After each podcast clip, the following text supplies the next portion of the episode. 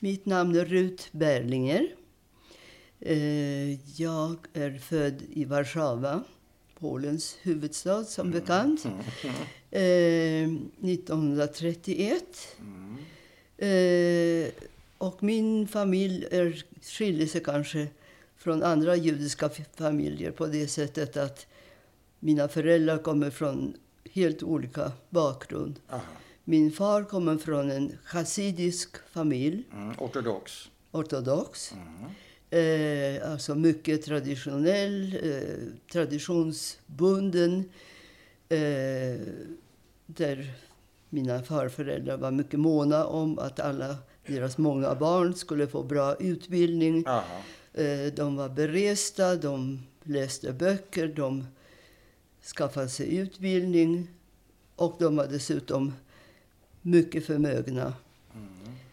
Min mamma kommer från en bohemisk, jättefattig musikerfamilj. Ja, okej. Så att eh, en, en större omöjlighet kan man ju inte tänka Nej. sig att de två överhuvudtaget skulle träffas. Men det gjorde de och de gifte sig. Och hur träffades de? Om, Eh. om, papp, om din pappa var en chassid Ja. så, så rör man sig väl i en rätt så sluten krets, tänker jag. Hur, hur kommer det sig att han kom i nej, kontakt jag med... försökte berätta att de var, eh, vad ska vi säga, de var födda chassidim Aha. och de utövade allt som de tyckte var Ja, passande.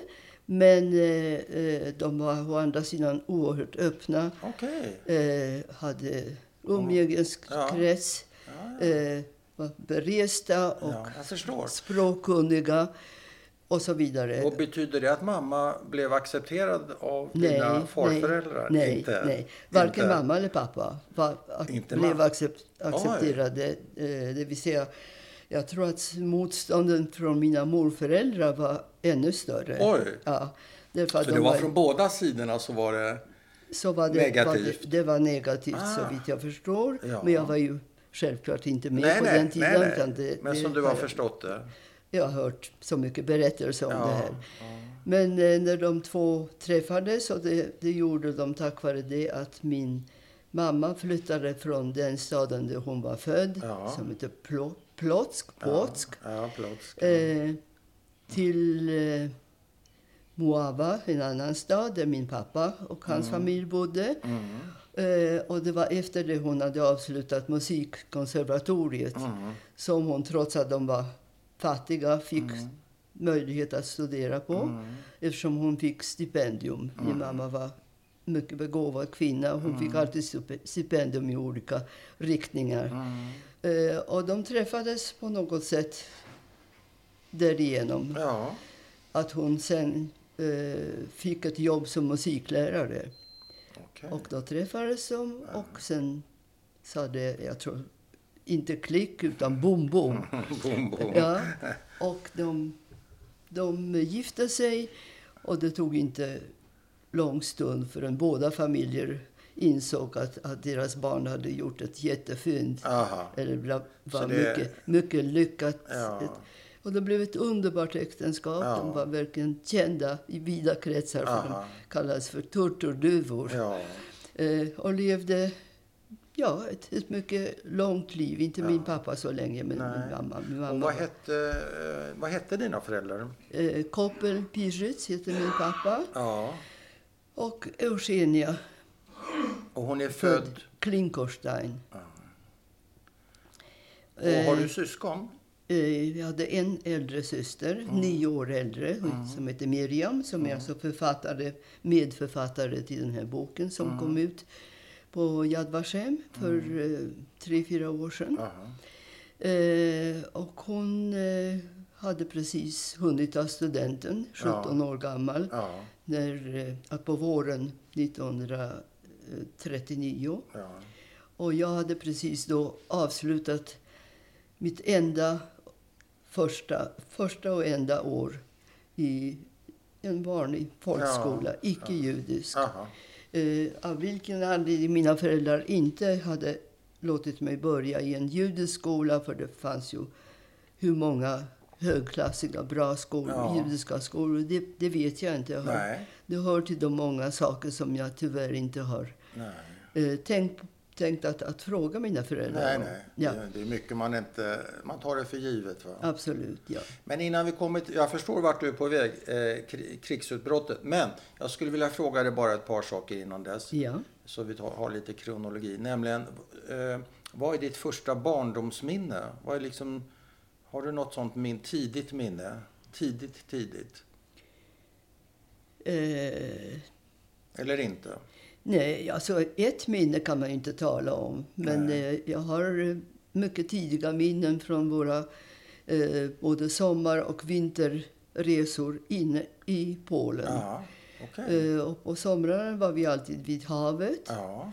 Eh, Gdynia, Gdansk ja, det och så där- vidare. Ja, badorter. Ja, badorter. Aha.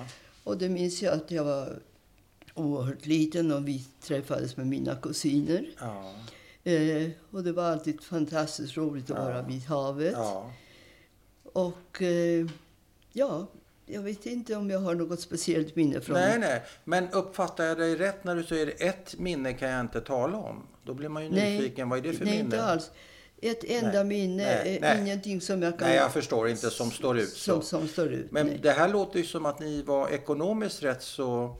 Hade det rätt så hyfsat. Ja, det kan man säga. Så pappa blev inte förskjuten utan han... eh, Nej, jag berättade just ja, att, du, att, att, de eh, ändrade sig och så vidare. Ja, mycket snabbt och Ja. min mamma blev oerhört älskad av, Ja. av alla familjemedlemmar och min pappa på respektive andra sidan. Och du är född i Warszawa. Betyder, du att, betyder det att du har något eget minne av något, något antisemitiskt? Jag tänker nu innan kriget, innan kriget bryter ut. Har du något eget minne av antisemitism?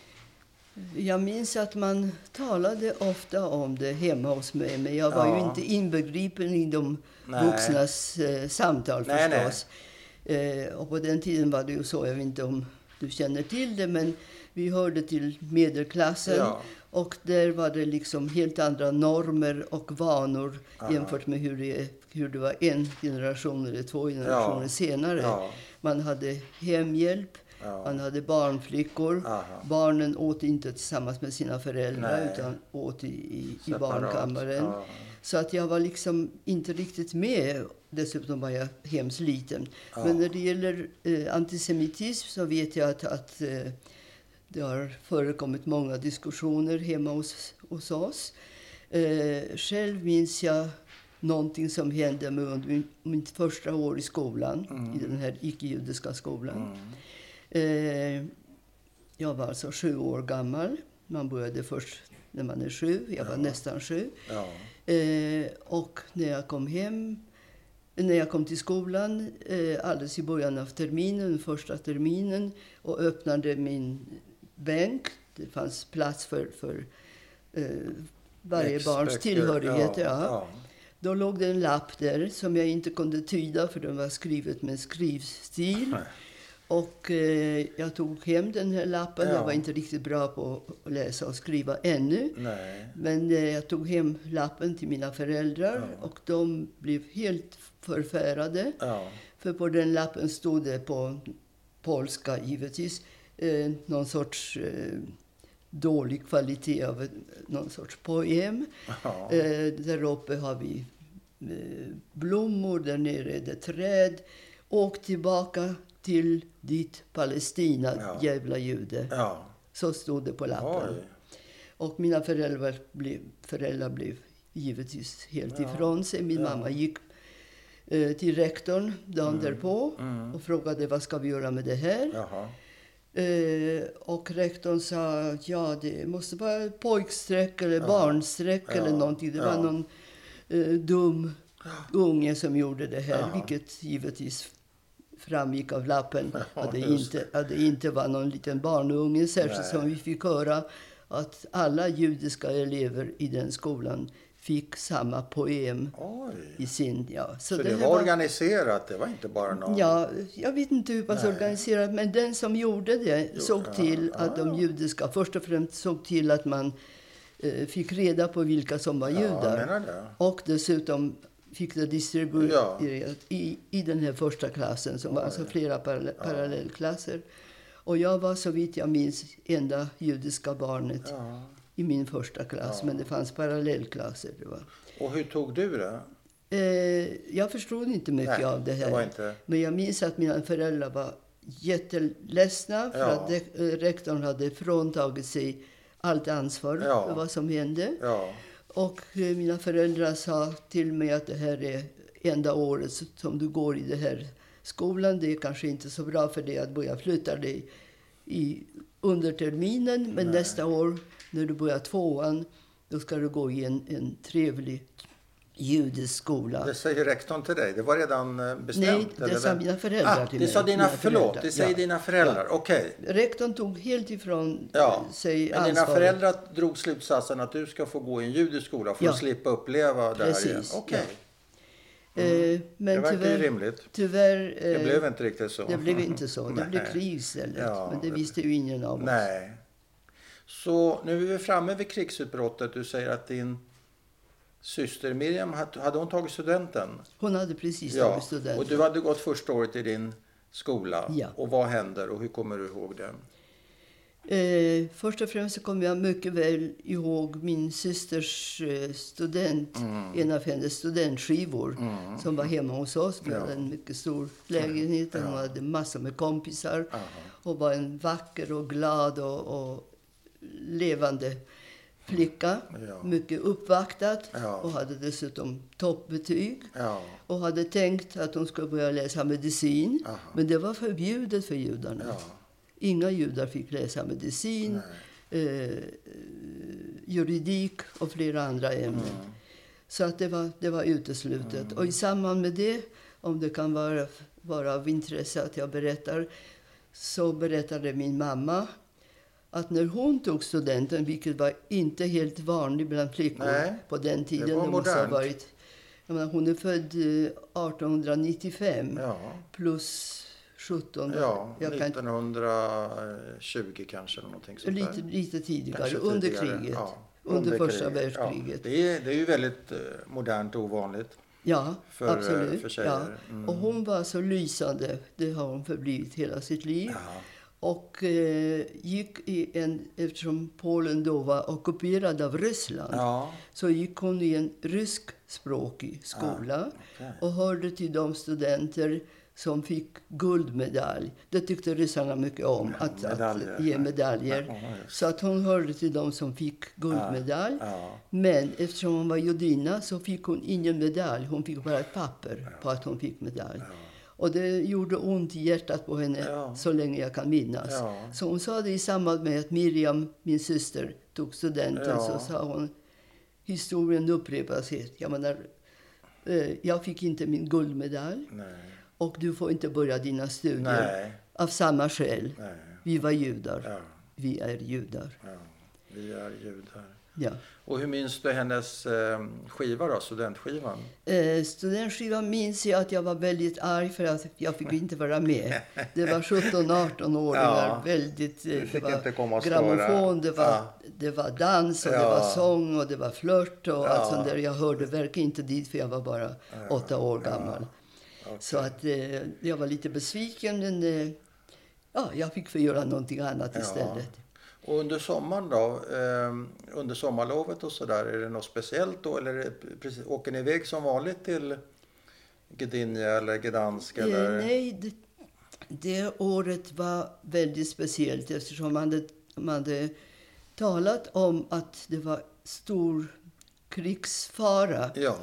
under hela det här året. Ja. Eh, så skickades jag till eh, någon sorts kollo där jag Ja. hade varit eh, ett par gånger tidigare, Ja. bara några veckor under sommaren. Då var, var jag fortfarande inte i skolan. Eh, och nu så skickades jag dit. Och det var väldigt annorlunda för att alla de vuxna var hela tiden upptagna med att, att prata om kriget som Ja. vi inte visste vad Nej. det var för någonting. Nej, nej. Så mina föräldrar kom och hämtade mig tidigare. Jag var där Du kanske trivdes inte? Då? Nej, jag vet inte. Det var, det var, alla var oroliga för Ja. när det skulle börja. Ja. Så att eh, det var inte fråga om trivseln utan om Nej. säkerheten. Okej. Man ville ha familjen omkring Ja. sig när det händer, Ut i om det händer. Ja. okej. Och det, det hände. Mm. Eh, jag skulle just ha födelsedagskalas. Jag skulle fylla åtta år. Ja. Men det blev inte av. Det Nej. var alltså lite senare i september. Och Ja. första september Ja, började kriget. Vilken, vilket datum fyllde du år sa du? Tionde. Tionde okej. Så det blev, ja, okej. Hur Ja. gick det med ditt kalas? Ja, det blev skyddsrum istället. Då satt ju alla, sen första, praktiskt första dagen, eh, så satt vi ju, när, när det blev larm, Ja. alla sprang ner i skyddsrum Ja. och var där och, och det, Warszawa bombades ganska kraftigt. ja. Hade var, ni skyddsrum i eran fastighet så att Ja, säga? det hade vi. Eh, det var väl inte skyddsrum, det var vanlig källare. källare? Ja, ja. Men ändå. Som, I alla fall så minns jag att det var väldigt mycket förberett för krigseventualiteten. Eh, eventualiteten. Ja, Därför att det fanns eh, mat, eh, det fanns eh, vatten, det Ja. fanns madrasser, ja, ja. Filtar kanske? filtar Ja. och det fanns platser där man kunde kissa och så vidare. Aha, okej, så det var redan... Det var ett, för att alla var Det var beredda på att det skulle hända när som helst. Och det gjorde det. Och det gjorde det. Ja. Eh, jag kan tala om att eh, redan då, i början på kriget, så... Nej, vi, vi det lite senare. Vi Ja, tar okej, det senare. okej. Ja. Så vad händer härnäst? Härnäst eh, blev det som sagt var bombardemang av Warszawa. Mm. Många hus blev träffade, men inte vår, vår stadsdel, inte så mycket i alla fall. okej. Men jag minns att min syster som under den här sommaren istället för att eh, tänka framåt och hoppas på Ja. att börja på med sina medicinstudier Ja, så gick alla med samma förhoppning och andra eh, på kurser i första hjälpen och så. ja, Någon sorts eh, Röda kors-kurser. Ja. Och hon gjorde det också. ja. Och det kom väldigt väl till pass för att hon var oerhört energisk och duktig och eh, var med i räddningsaktioner. Eh. Mm. eh, bl- bland annat var hon med ett par hus därifrån som blev träffat, minns jag, för det gjorde oerhört starkt intryck på mig. Mm. Där en kvinna förlöstes, med Oj. bland annat min syster som Ja. 17-årig ja barnmorska. barnmorska. Ja. Oj, wow. Och det gick tydligen bra för mamma och babyn och Ja. alla var upptagna med att prata om det här, att det var fantastiskt att det gick att att rädda, rädda dem båda. Mm. Och min syster var väldigt både stolt och förskräckt över att hon hade fått hoppa i en sån Mm. dramatisk situation. Mm. Ja, och så kom eh, slutet på det här mycket kortvariga kriget. Mm. Det tog tre veckor. Och efter tre veckor så var det slut. Eh, Hur reagerar dina föräldrar i den här situationen? Minns du själv någonting? Var de eh, hysteriska? Var de nervösa? Var de lugna? Var de, förstår du? Alltså jag tänker, du som barn, dotter, vad, fick du någon eller dolde de allting för dig? Eller var du i din lilla egen värld? Eller hur var det för dig? ja, eh, man kan nog säga att de kanske och de försökte hålla mig utanför. Ja. Och jag fick alltid höra att jag var den lilla och att jag Ja, var eh, inte mogen, att jag Nej. var barnslig och så vidare. Medan min syster som var nio år äldre Ja. eh, betraktades som vuxen. Vuxen, och det ja. var hon ju på Ja, många sätt. ja. Eh, För du var rätt så skyddad kan man säga. Det kan man säga. Ja. Jag var nog lite överbeskyddad. Överbeskyddad. Ja, dessutom, jag hade alltså allt man kan tänka sig när jag var liten. Vad, man, vad man kan önska sig som barn.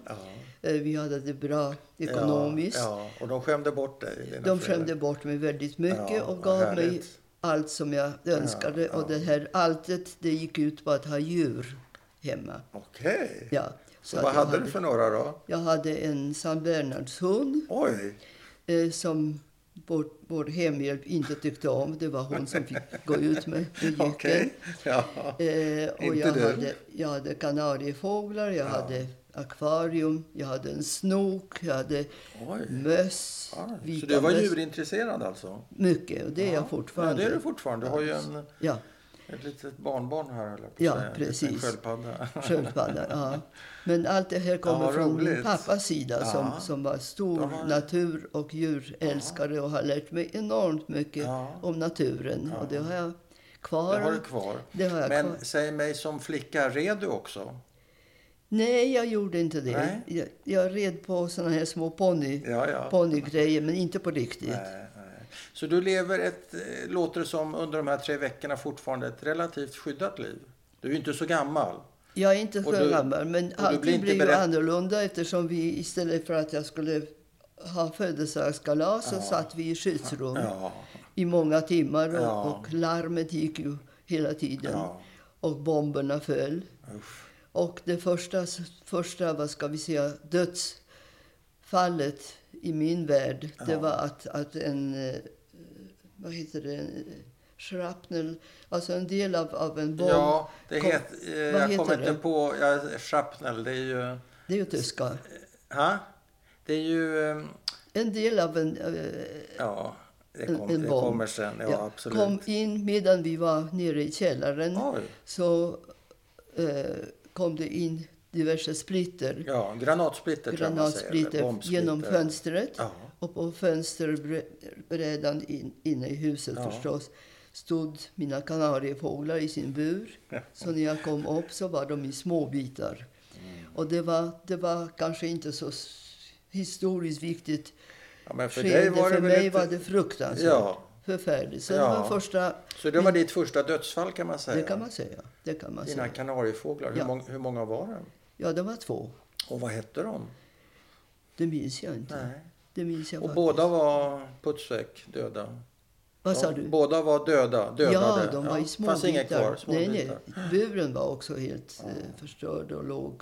Minns du hur du reagerade? Började du gråta? Ja, ja, ja visst. Ja. Ja, jag var så- helt förtvivlad Ja. min, mina föräldrar var också oerhört ledsna. Ja, Men som sagt var, det var första första eh, försmaken på vad som skulle hända på helt annan nivå så Mm. Ja, småningom. ja, ja.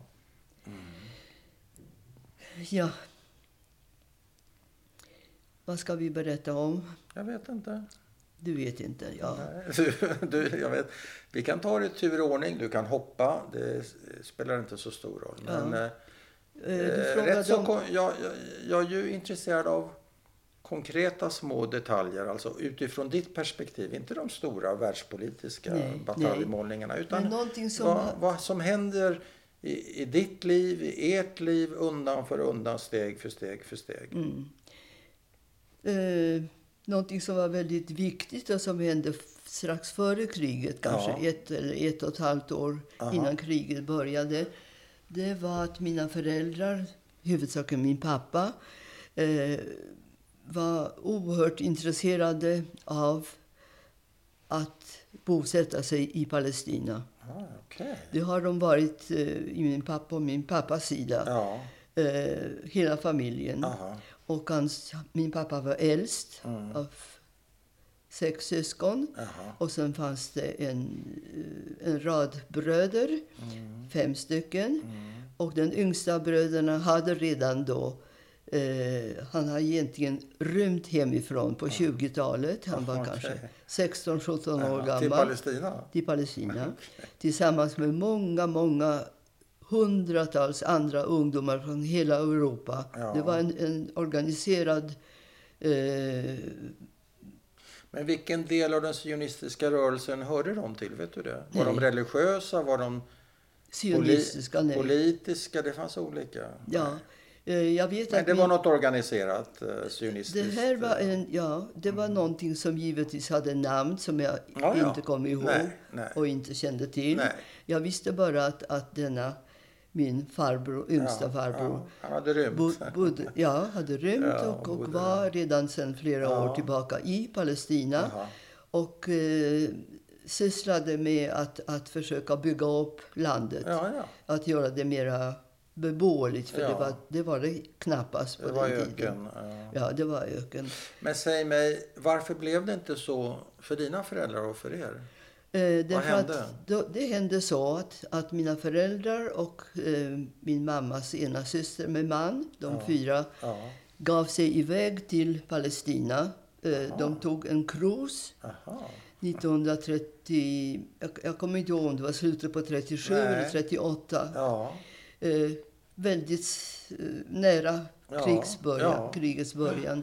Och de var borta i många veckor. Och jag väntade med stor ja. förväntan och längtan Och efter var var du då under tiden? Vem tog hand om dig?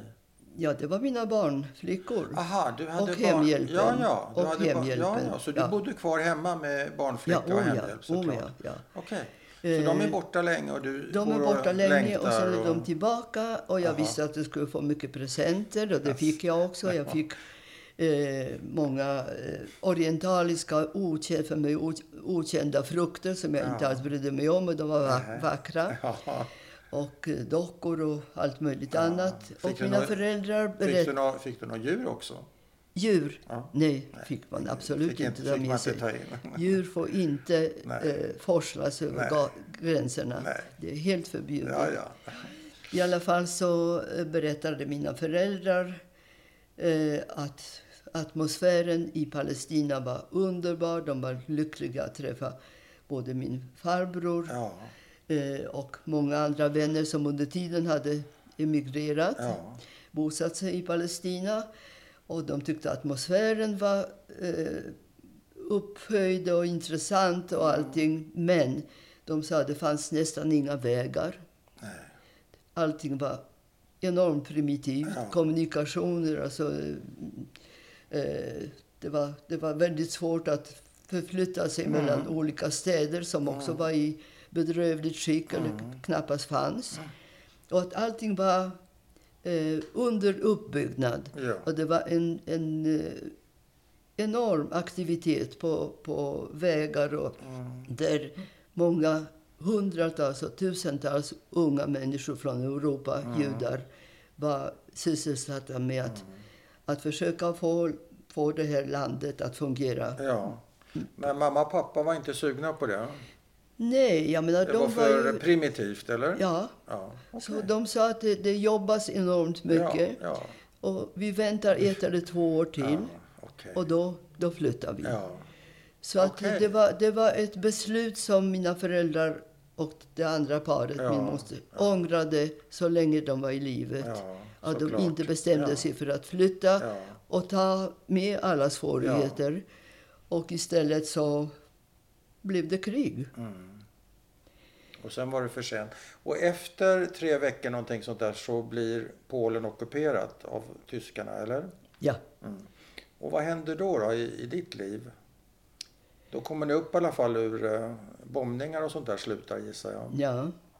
Eh, Se, ser du trupperna komma in och sådär?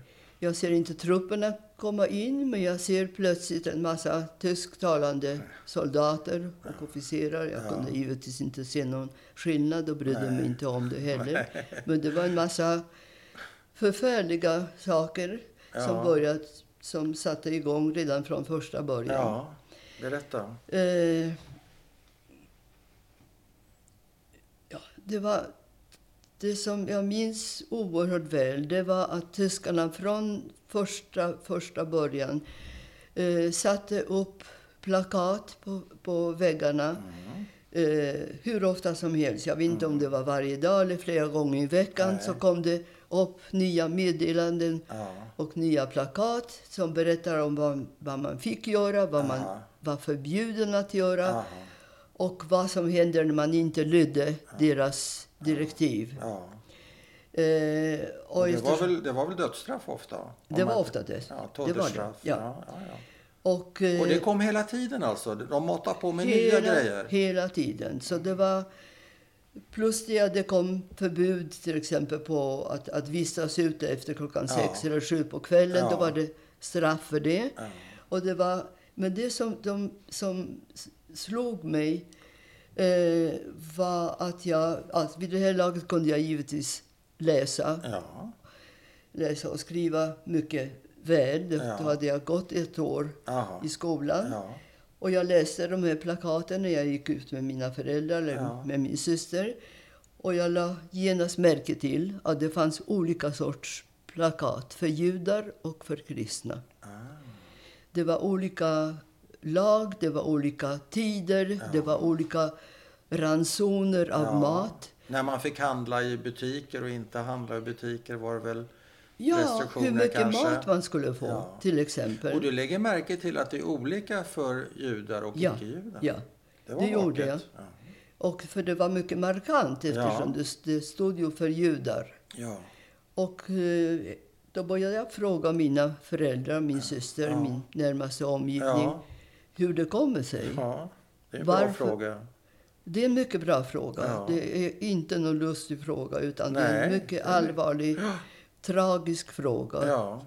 Och jag ställde den till mina föräldrar som sa att de kan... De, de är helt enkelt inte i stånd att berätta för mig, som var så liten, om varför judar skulle behandlas annorlunda.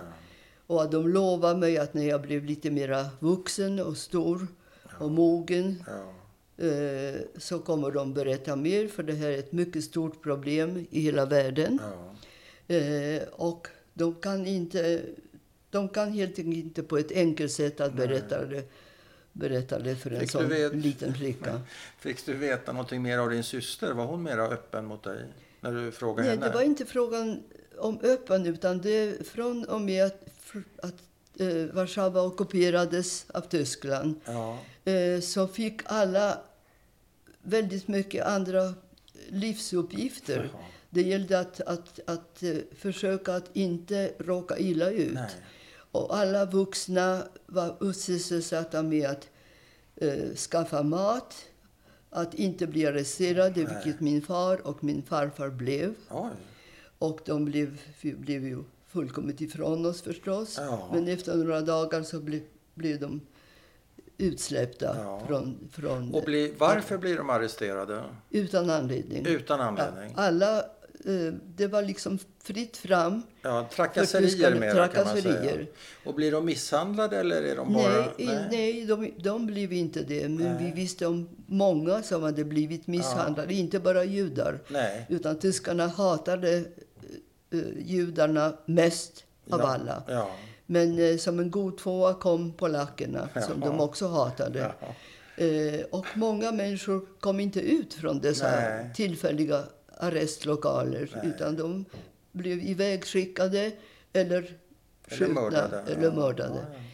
Men alla eh, när var det här då i tiden? Kan du pricka in det något sånär när pappa och farfar eh, råkade ut för det här? Är det precis i början eller? Det måste ha varit kanske oktober, november Mm, någonting, så rätt- 1939. Ja, Alltså i ja, slutet på året. Ja, slutet okej. på året. Mm. Och vi fick alltså mindre mat än andra. Mm. Matransonerna var ganska begränsade. Mm. Eh, Jag måste berätta någonting som jag, det är mycket som jag inte berättar om därför att vi Jaså. hinner inte. Jo, jo, vi hinner. Eh, jag hade alltså ett problem när jag var flicka, när jag var barn, före Ja, kriget. ja. Annars hade jag allt man kan önska sig. Ja. Men jag hade ett problem och det var att jag var matvägrare. Eh, och det var tydligen problem för hela familjen, för jag vet att när jag hade ätit någonting eh, som undantag Jaha. så gick telefonerna varma. Rut har ätit. Jaha, så det Och- var en stor nyhet. Ja, det var en stor nyhet. Och till, eh, ja, mina föräldrar kallade, gick med mig eller kallade Ja, hem ja. diverse barnläkare Ja. eh, som jag inte minns alls. Nej. Men den enda läkare jag minns, och inte, i- det är inte efterkonstruktion utan Nej, jag har nej. älskat honom, var en man som heter Dr. Janusz Korczak. Har du hört talas om honom? Nej. Nej. Eh, då har du en stor lucka Ja, okej. Jag har Ja. många luckor, men Ja, okej. Nej, men det här är en mycket viktig lucka. Ja. Men då ska vi hoppa över det här, för det här var, var och är fortfarande en av kanske världens mest berömda judar. Ja. Eh, han var barnläkare, han var poet, han var eh, teaterdirektör och Oj. han var föreståndare för eh, ett stort hem för barnlösa Ja. judiska barn. ja. Eh, Föräldralösa menar du? Eh, föräldralösa Ja, barn. Hans pjäser spelas fortfarande Wow. eh, ute i världen. Men lyckades han eh, förstå sig på dig? Kunde han hjälpa? Det han gjorde han. det? det gjorde han. Och han, hur? Jag minns honom mycket väl för att han var så underbart söt. Och jag minns att han undersökte mig Jaha. och att hans skägg kittlade Jaha. mitt magra bröst. Och han var gråhårig och hade jätteunderbart sätt att, att tala med mig på. Ja. Och vi pratade överhuvudtaget inte om, om mitt problem. Nej. Utan om böcker som jag hade, böcker Aha. av hans hand som jag hade hemma förstås. Oj. Jag hade alla. Du kände till honom, vem han var? Oh ja, alla gjorde Wow. det. Alla gjorde det. Wow. Mina, mina barn som är födda i Sverige har också haft Okej. hans barn, Ja, ja. barnböcker hemma. Eh, så att, eh, Så ni fick kontakt? vi och- fick mycket bra kontakt. Han var rolig och han var bedårande. Jag vet inte hur gammal han kan ha varit. Nej. För mig var han som en jultomte. Han var, han var kanske bara 60 år gammal då. Men för mig var han som 90 eller 100 år eller någonting. Men det var ingen du blev kär i? Det var inte en sån Nej. förälskelse? nej. Utan nej, nej, nej. Han, en, var, han eh, var så söt. Och En, han, en tomtefigur, en Han- snäll gubbe. vi pratade om, om hans teater. Jag Ja. hade sett hans teaterpjäser wow. och så. Han var, han Så var du var, på sätt och vis låter du som lite lillgammal. Du var skyddad men du var ju rätt så kunnig om massa saker. Ja, det kan så det man var en blandning. Det kan man säga. Ja. Det kan man säga. Så du började äta sen då tack vare honom? Han sa att jag kan lova er, sa han till min mamma, eh, att om det skulle bli kris och det skulle Ja. bli ont om mat så skulle den här flickan omedelbart be att få mera mat. Ja, och det här det. var ett år före krigets Ja, början ja. och han hade rätt. Så Han var det. rätt. Och han löste den där knuten åt dig alltså? Ja, han sa att eh, din dotter är ganska bortskämd, sa han till min mamma. Och det var kanske inte så populärt, men, men, Nej. men eh, Men det var sant. det, det var sant. Ja. Ja. Så hur kom vi in på det här? Nu måste du hjälpa mig igen. Hur kom vi in på den här historien? Eh, det var kanske att det var mitt enda problem före ja, kriget. Just det, ja. Ja. Just det. Och att, att eh, kriget hade då börjat ett Ja, år senare. Ja. Mm. Och att under hela det här första ockupationsåret så hörde jag hela tiden de vuxna som talade om någonting som heter getto. Eh, och Visste du vad det innebar? nej, Nej, du bara hörde ordet. jag hörde ordet. Getto, och, getto, getto. Ja, och jag hörde att, att alla som talade om detta som, skulle, som heter getto, som höll på att byggas upp. Eh, inte så där, ja, ganska långt ifrån det ställe där vi bodde. Eh, alla var rädda för vad det skulle innebära Ja. och ingen visste vad, vad det var för Nej. någonting. Det var ju givetvis helt okänt begrepp. ja, och varför? Och, Ja. eh, Eh, så att det var, det var under tiden ja. när de talade om det hela tiden så, så byggdes det en mur runt om en stor del av Warszawa. Ja. Så hur pass stor kan jag inte säga. Alla dessa faktor, fakta finns att få, Ja, givetvis. Det spelar ingen roll. Vi pratar om din berättelse. Ja. nu, att, Eh, och nu var det alltså en, en, ett område som var omringat av höga murar. mm. Eh, på, höj, på, på krönet av, av de här murarna var det eh, taggtråd. Mm. Och så fanns det några öppningar, några portar in till gettot. Mm. Och varje port såg vi senare eh, bevakades av en tysk eh, gendarm, alltså Ja, en, en, en tysk soldat.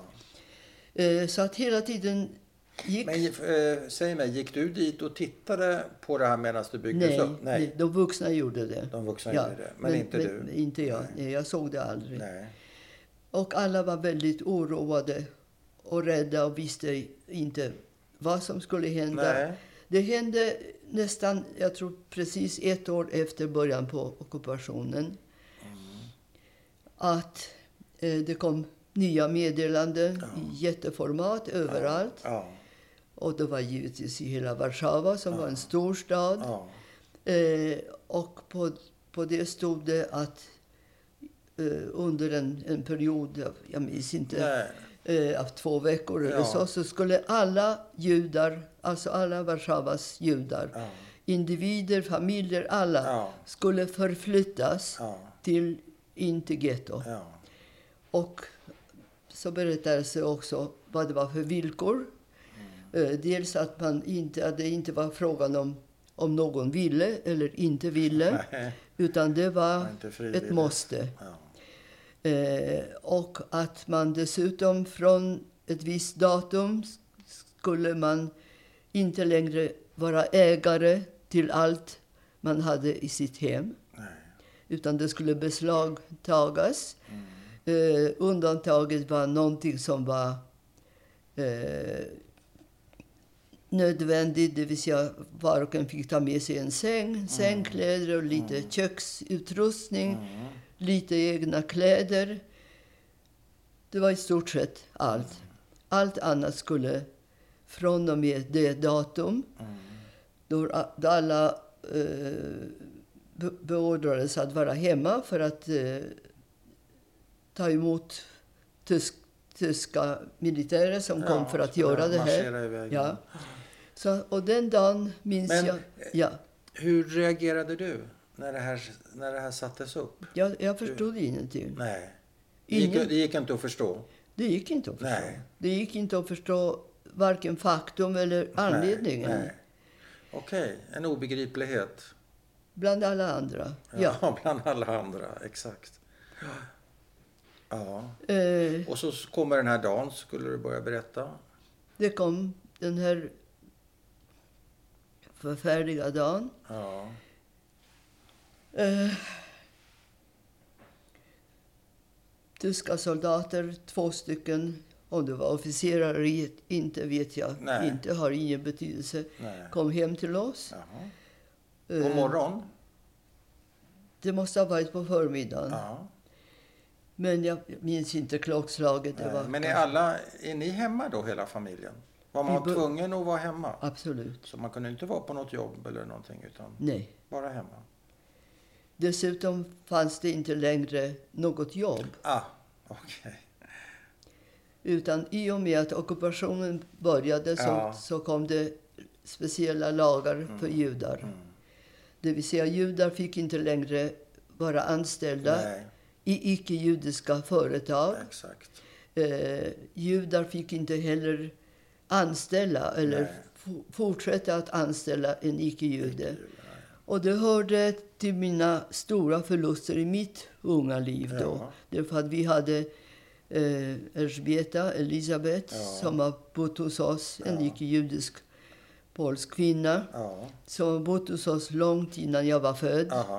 Eh, kanske nästan tio år Ja. tidigare Ja. anställdes hon. Ja. Och hon var en medlem av, av vår familj. Vi älskade henne, hon älskade oss. Och hon ville absolut inte sluta nej, eller skiljas från oss, nej. men var tvungen. Och var hon hemhjälp? Hon var hemhjälp. Hon bodde hos oss. Så hon var tvungen att, att Ja, söka visst. sig något annat jobb. Och barnflickan, hur, vad, hur gick det för henne? Barn, med barnflickor var det inte så fasta förhållanden eftersom de Nej. skiftades då och då. Aha. Ibland hade jag en... De hade det besvärligt med mig eftersom jag var matvägrare. Ja, okej. Så det var lite jobbigt. Ja, ja. Men, eh, så, okej. Elisabeth fick sluta Så och jag sa- minns mycket väl det avskedet för att in, ingen av oss ville skiljas Nej. från varandra. Nej. Och eh, ja, nota bene, hon överlevde levde kriget också. Ja, ja. Det ska jag berätta om lite senare. Ja. Eh, I alla fall så var det också en enorm förlust för oss alla att skiljas från henne. Mm. Eftersom judar fick inte, som Ja, jag sa. Ja, Så därför är det inte så konstigt att alla är hemma. För ingen får ju ha något jobb och så vidare. Ingen har någon skola, Nej. ingenting. Utan allting, hela fällan har slagit ihop kan man säga. Och ni Kan sitter där bara och väntar. för, Ni sitter bara där och väntar i Ja, er lägenhet. Ni kan ja. inte göra någonting Ja. annat. Ni är fast. vi är fast. Vi, är, vi är alltid fast. Och dessutom hade jag ju då blivit av med min hund som jag var tvungen att ge bort. Det fick man inte heller då. Nej. Oj. Därför att tyskarna hade då berättat i sina affischer att Ja. eftersom judarna var underlägsna dju, eh, hundar Ja, och högre stående ja, eh, djur. Un, alltså de var underlägsna. Ja, hundar. Ja. Ja. Så fick, Så- man- fick judar inte ha hundar. Nej, och det, Så vad hände med din hund? vi fick ge bort den. Ja. Till vem? Det är en polsk familj som vi kände. Ja. Så du, blev, du blir av med det ena efter det andra? Ja. Din hemhjälp och din hund och så vidare. Ja, Så hur minns du den där förmiddagen när de kommer och knackar på de två tyska ja soldaterna? det, var, det var fullkomligt obegripligt hemskt. Ja, För plötsligt så förstod vi att, att nu är vi framme vid det som alla fruktade. ja, Det vill säga vi blir av med vårt hem. ja, Vi blir av med allt vad vi äger. ja. Och vi måste förflyttas till det här som heter getto som vi inte visste vad det var. Och det kom alltså dessa två män med någon sorts banderoller som det stod på tyska, tillhör Tyskland. Oj. Och stämplar och de beslagtog allting. Vi hade underbart hem. Ja, och Och det, för- det, det stjäl de. Allt det tar de Allting, bara. från alla. Oj. Från alla, alla judar. Eh, Men börjar de bära ut medan ni är kvar också, eller nej? nej, nej, nej, Inte givetvis inte. Det kommer givetvis senare. inte. Nej, Nej, nej. nej. Och det för, för min pappa var det ett, ett särskilt slag. Det för att Ja, han hade... Han var eh, affärsman, självständig Ja. och mycket framgångsrik ja, i trävarubranschen. Mm. Och hade under alltså, mellankrigsperioden gjort väldigt många resor, affärsresor Ja. i Europa. Och vad jag minns mycket väl var att eh, när han kom tillbaka från en av sina re resor så berättade han, visade till familjen ett nytt fynd han hade gjort. Han hade Jaha. fått tag på en eller två eller fem nya böcker. ja. Alltså någon första upplaga, Ja. någonting gammalt, Ja. någonting på var- olika språk. Han som var han, boksamlare alltså? han var boksamlare. Ja. Hade underbart bibliotek. Och detta bibliotek sattes upp under rollen. Det är inte dit längre. nej, Och för min mamma som var pianist var det samma med pianot. Ja. Så det var en förfärlig dag. ja. Och jag minns Och konstigt... vad fick du ta med dig? Kommer du ihåg någon särskild leksak eller någonting som du tog med jag, fick, jag tog med min docka Lily Ja, som jag hade fått från mina föräldrar Ja. året innan. ja. Lilly får följa med. Ja. Och Lily var kvar i gettot ganska länge, men sen eh, försvann hon. Ja. I alla fall, jag minns mycket väl den här sista dagen i vår underbara lägenhet med allt som jag var upp... Ja, som du älskade. Det är Ja. klart. Eh, och jag minns första, första dagen på det nya stället inne i gettot. Ja, Men konstigt nog, det har säkert någon psykologisk förklaring kan jag tänka mig. Jag minns överhuvudtaget inte förflyttningen. Jag minns inte på vilket sätt... Ingenting? Ingenting. Jag minns inte Ah. hur vi förflyttades. ah, Och det här var frågan om enorma mängder med människor. ja. Men du kanske var i chock, va? Det vet jag inte. Jag vet Inte? inte, vad jag ska kalla det. Men Nej. jag minns inte. Har, har du möjlighet att... att- Eller vet du hur många människor det var som förflyttades? Den Nej, 400 000. det är mycket. Som en stor stad. Det är som en stor... Det är Göteborg. Ja. Och jag minns ingenting. Att, Nej. jag minns bara första dagen. Vart kom ni då? Eh, hur bodde ni? Hur stor var er gamla lägenhet för övrigt? På ett ungefär, vet du? Jag vet inte. Menar Nej. du i antal rum? Antal rum, kvadratmeter, vad du vill, bara så man får Kvadratmeter känsla. har jag inte Nej. blekaste aning om. Nej. Men eh, det var Hade du stort. eget sovrum? Vadå? Hade du eget Ja, sovrum? ja, jag hade givetvis eget sovrum. Ett lekrum också? Eh, nej, nej, det utan var ett i- stort rum ja. där jag både sov och, Ja, ja. och lekte. Och, Och d- och så var det- hemhjälpen bodde... Vadå? Elisabeth, bodde hon hos er? Ja, visst, Ja, visst. självklart. Ja, hon det bodde i ett stor- rum nära Det var en köket. stor lägenhet Ja. alltså. Och, det var Och så var det pappas arbetsrum. Pappa Arbetsrum. arbetade hemma Ja, i en jättestor, stor, stor lägenhet. Ja. Alltså stort rum. ja, Och sen var det en salong där, där det fanns piano. där stod pianot. Och där min mamma och flera av hennes syskon och kusiner gjorde musik, kammarmusik. Ah, salong, jag- musiksalong alltså. Ja, så att jag är uppväxt med, med kammarmusik från det jag var nyfödd. Där jag satt i mitt Fint. hörn bakom, bakom pianot och lyssnade. Har du gått i arv? Eh, kärleken till musiken, ja, men inte, det är inte samma sorts musik nu som min, våra barn har. Men, eh, okej, så du, men och vad kommer ni till? Hur, hur bor ni inne i gettot? Hur många är ni? Är ni fyra eller är ni flera så att säga? Vi är 13. Ni är 13. Det Det vill min, säga, mina farföräldrar, ja, flera av deras söner Ja. och en dotter. ja, Ett par stycken av deras eh, respektive. respektive. Ja, Och ett par stycken av mina små pojkkusiner, Ja. lite yngre än jag. De Ja. var kanske fem, sex, Ja. sju år gamla. så Då- det är på pappas sida alltihopa? Allting på Dina pappas. morföräldrar är inte med, de, de finns inte med i den här? Jo, jo, de är givetvis också med i getto. Ja, men inte, Men inte på samma tillsammans med ställe. er. Så nu var vi så alltså- ni är 13 personer. Vi är 13 på Alla har vi lämnat stora eftersom alla Ja. har varit välbeställda. Ja. Alla. Ja, Eh, av olika schatteringar. Folk av olika schatteringar. Ja. Från bond, om, om du vet vad bond är. ja, ja socialistiska Ja. Det var väl kanske en, en, en av mamma, äh, pappas bröder som var politiskt som aktiva. var politiskt ja, ja. aktiva. Men det betyder, vad kommer ni till då?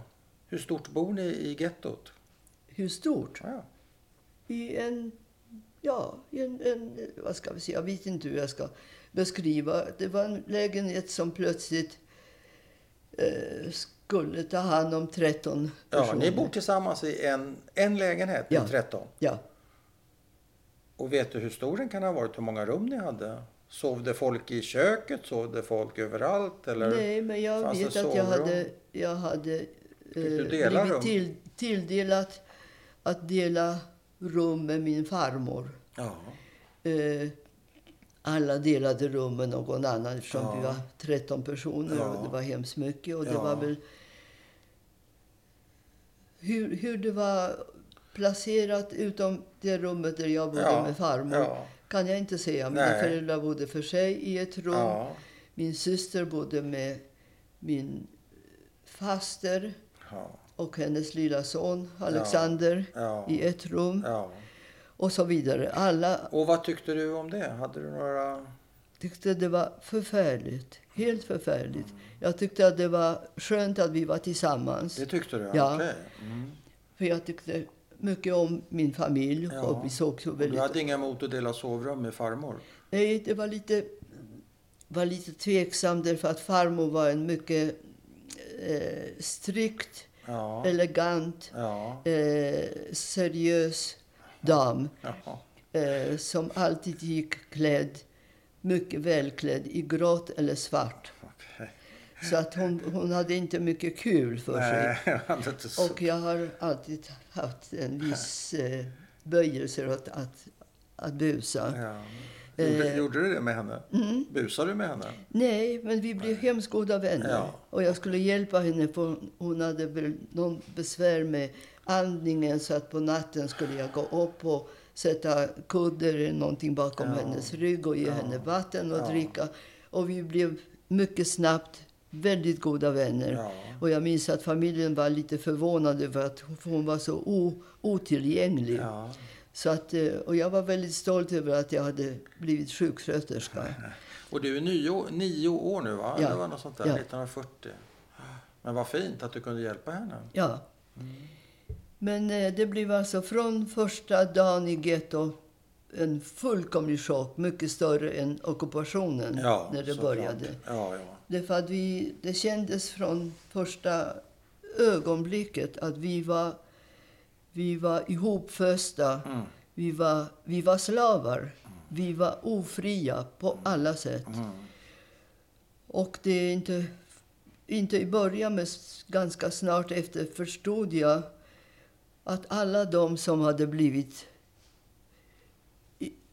körda in i gettot, instängda i gettot, hade från samma ögonblick förlorat allting.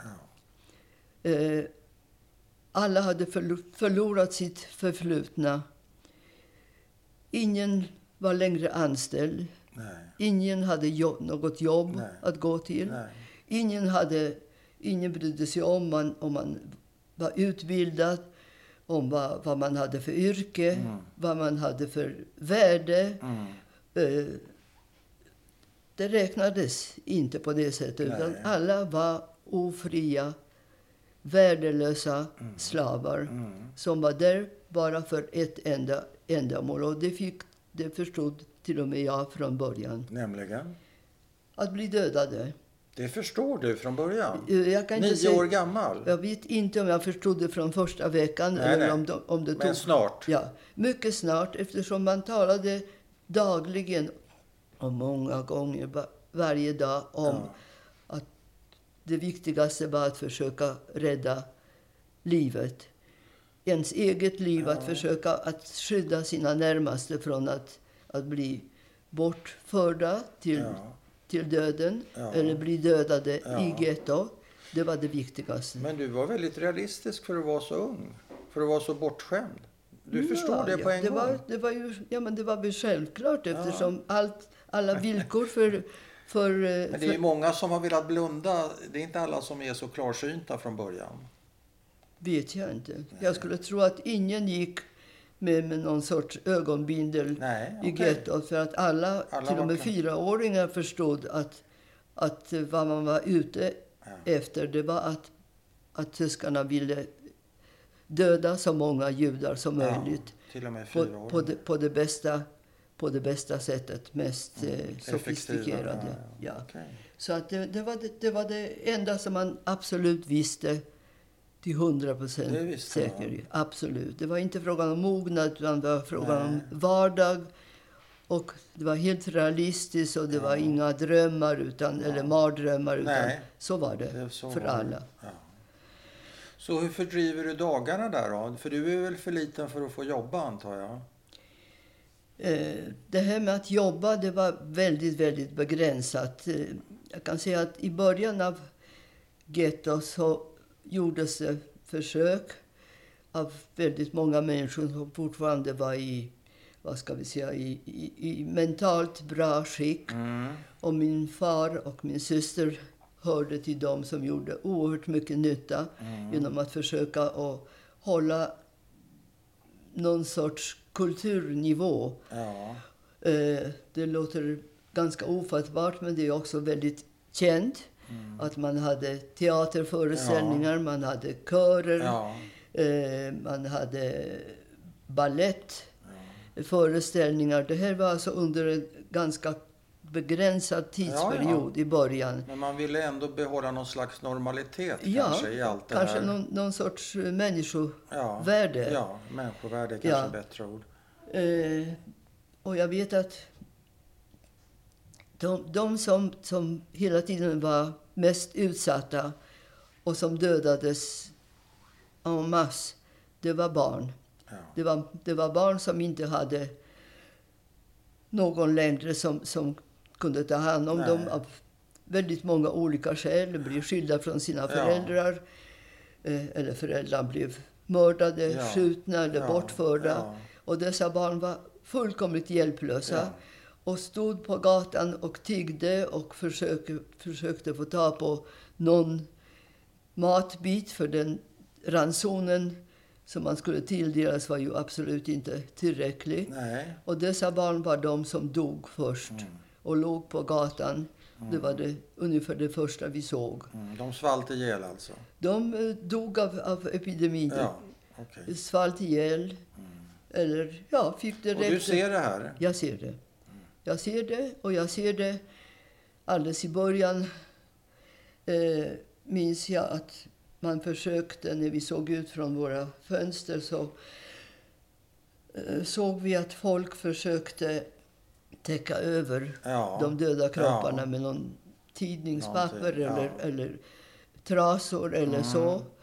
Men eh, det, det tog väldigt kort tid innan antalet döda kroppar blev så mycket så det fanns inte en chans att visa någon sorts respekt för Nej. dessa döda människor. Utan det var andra som satte igång och det var de mest olycksdrabbade av alla judiska slavar.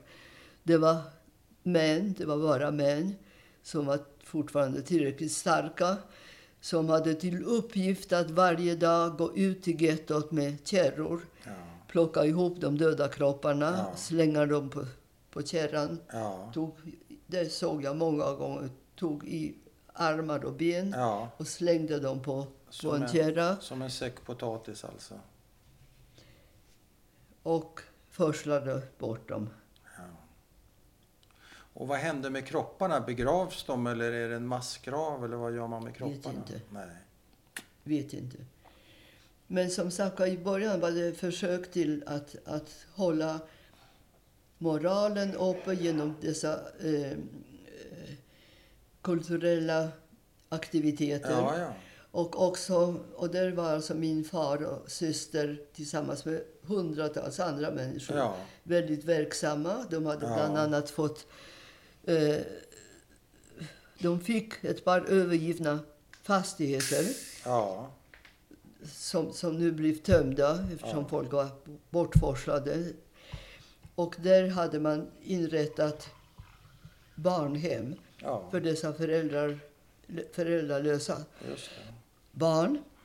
Och där hade man anställd, inom citationstecken, för allting var ju givetvis utan betalning. Jaha. Man hade anställt musiker, Mm. fackmän, körledare, eh, sjuksköterskor, Jaha. Läkare.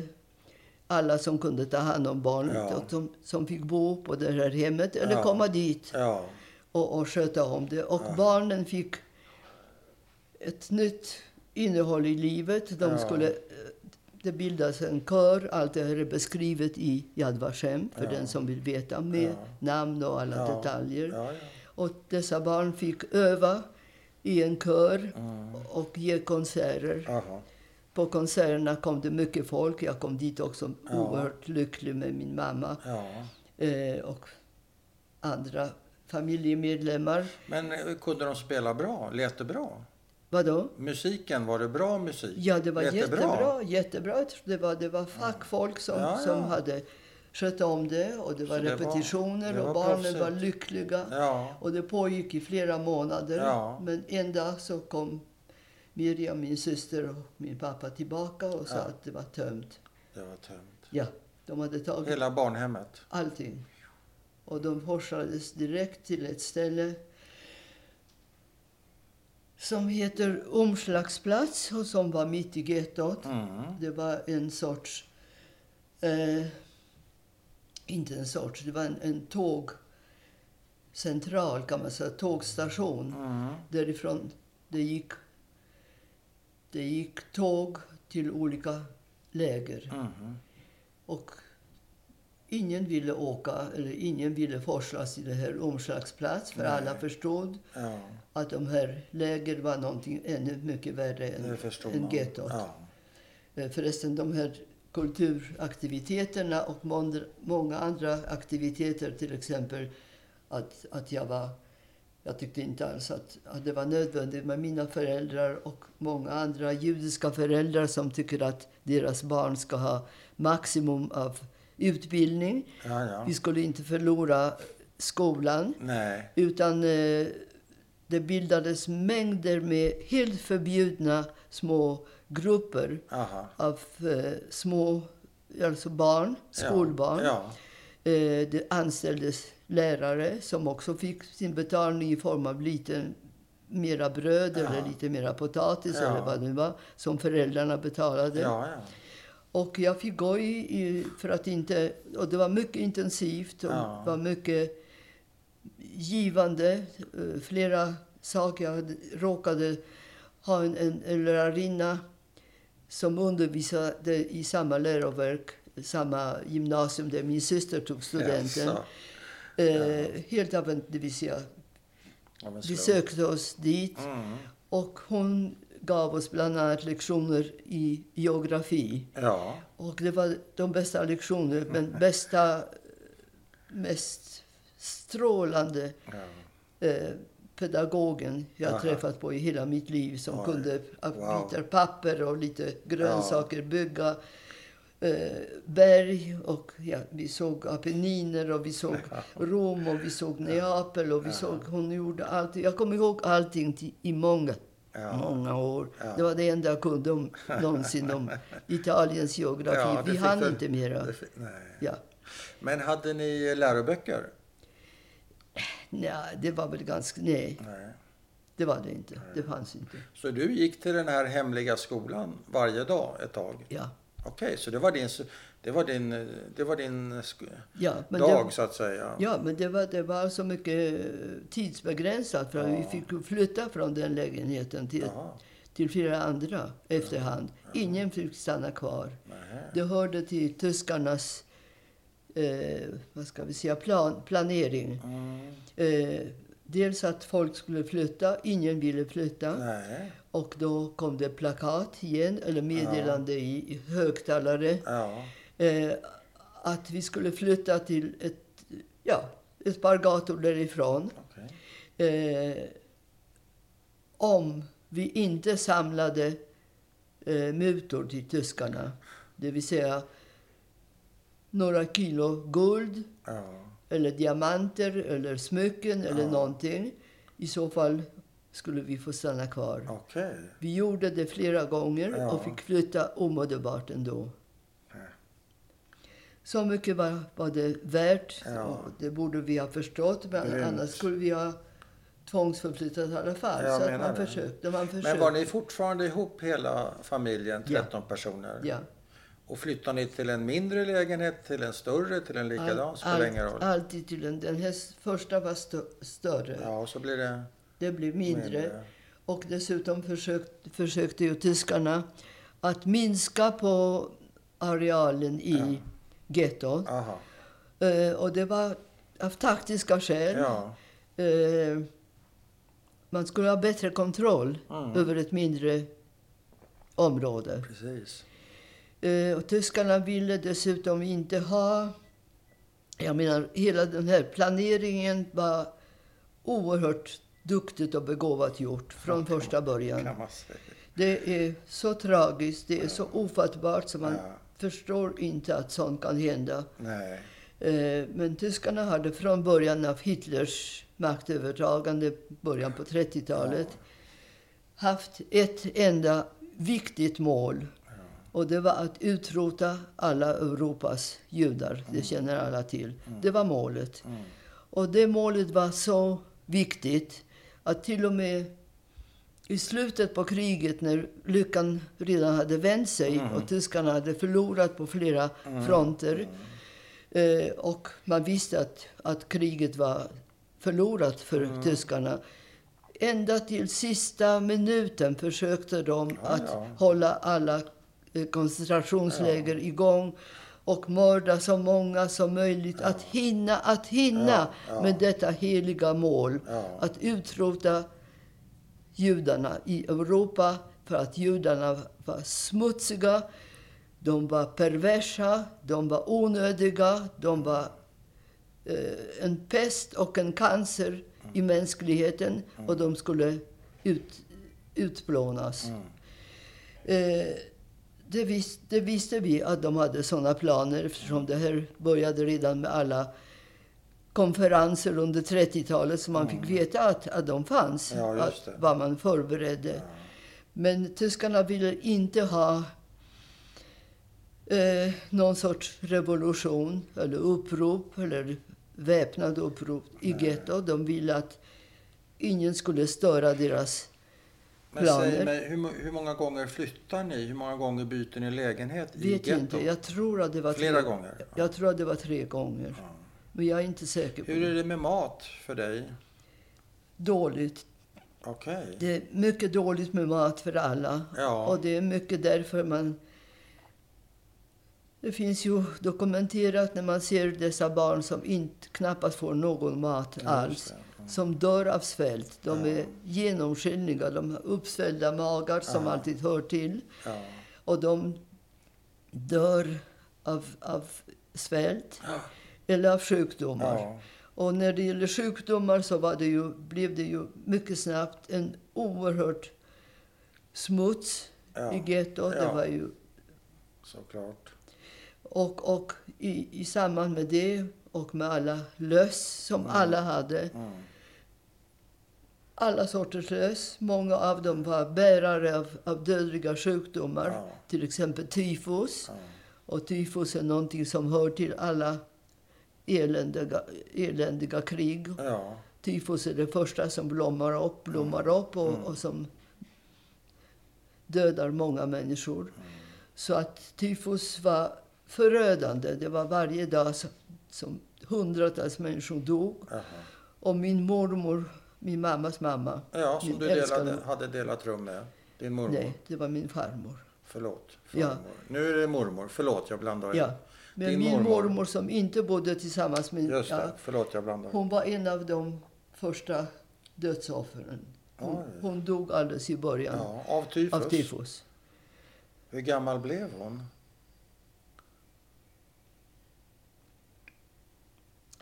Jag vet inte, måste ha varit... eh, Min mamma var född... Min mamma var född 1895 och min, hennes mamma var 20 år Ja. äldre. Jag kan inte göra den matematiska... Eh, jo då.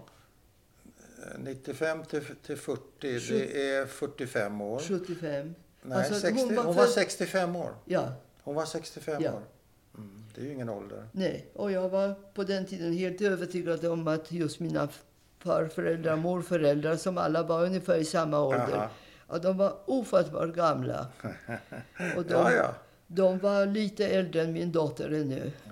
Så att det, det, det det är förskjutning i perspektiv. Ja, det är det. Okej, så hon... Och hur går det med resten av dina, din närmsta familj när det gäller sjukdomar och sådär? Eller drabbades du, drabbas du av någon sjukdom?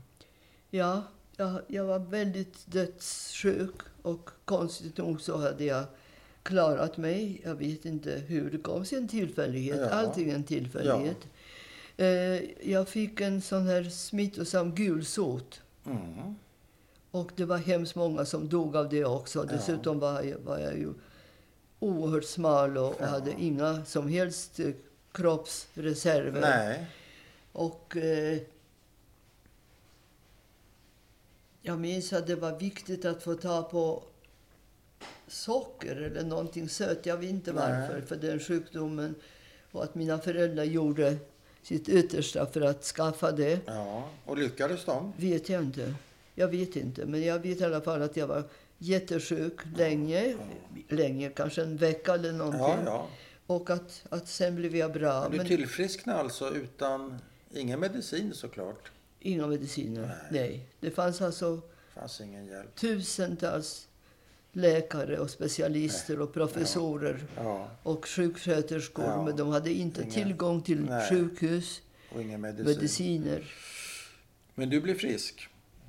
Ja, Eller eh, Ja. tillfrisknade i alla Ja. fall så att säga.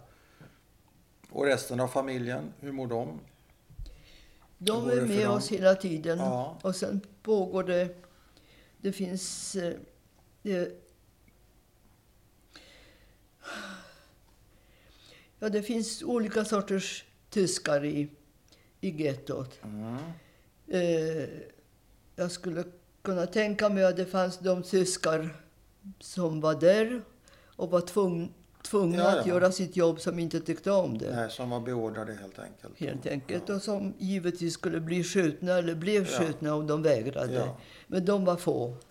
De andra, alla de andra gjorde det av plikt och av eh, kärlek till fosterlandet. De gjorde sin plikt.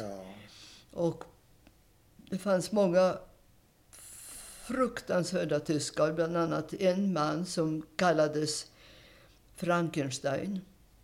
Han kallades så Frankenstein. Frankenstein, ja, det var, det var det mest Ett tragiska. monster. Frankenstein, Ja. ja. Eh, han, eh, hade som, han var lite mentalt rubbad. Han Ja. var alltid på gott humör. Gick omkring och sjöng. Småsjöng för sig själv. Ja. Och han hade en hobby och det var att skjuta barn. Mindre barn. Och varför jag berättar det är för att man visste att om man hade råkat ut för honom så, så var det kört. Ja. Och en gång fick han ta på mig. Ja. och sa till mig på sitt vanliga sätt när han låg. Han tog upp sin pistol och riktade mot, mot mig och sa att jag skulle gå tillbaka till porten som han såg. Antagligen hade jag kommit ut mot Ja, porten när, ja, när, när han såg mig. Han sa att jag skulle vända och gå tillbaka. Och jag var helt, helt säker på att, att han skulle skjuta mig. Han gjorde inte det, men han sköt en annan flicka i huset bredvid. Och det fanns vittnen som berättade för mina föräldrar om hur det hade gått till. Så det fanns olika sorters människor i, Ja, bland dem. Vad hette han egentligen? Vet du det? Jag har hans namn Ja, vi och jag var väldigt förvånad över när jag berättade om det på Yad Vashem för förra året. Ja, så var någon av tjänstemännen eh, högre upp i, i Yad Vashem ja, närvarande. Det är ofta någon från Yad Vashem som lyssnar till mina minnen. Och han sa, skulle du vilja veta vad han heter? så han, och jag sa att för mig är han en, en, en figur från en mardröm. Ja. Så att jag, jag, jag, jag har svårt att tänka mig att, att han var en riktig människa. ja, Han sa att han, han är mycket känd. Ja. Han är omskriven här på Yad Vashem. Och han heter si och så jag har det antecknat. Så att jag fick veta att den här mannen hade ett namn och hade antagligen haft föräldrar. Ja, antagligen säger du. Du är inte övertygad. nej. Och varför sparar han dig? Har du någon eh, idé om det? Kan- Du kan inte veta vad en människa som är sinnessjuk Nej. har för... för jag menar, eftersom han hade det som sin hobby Ja.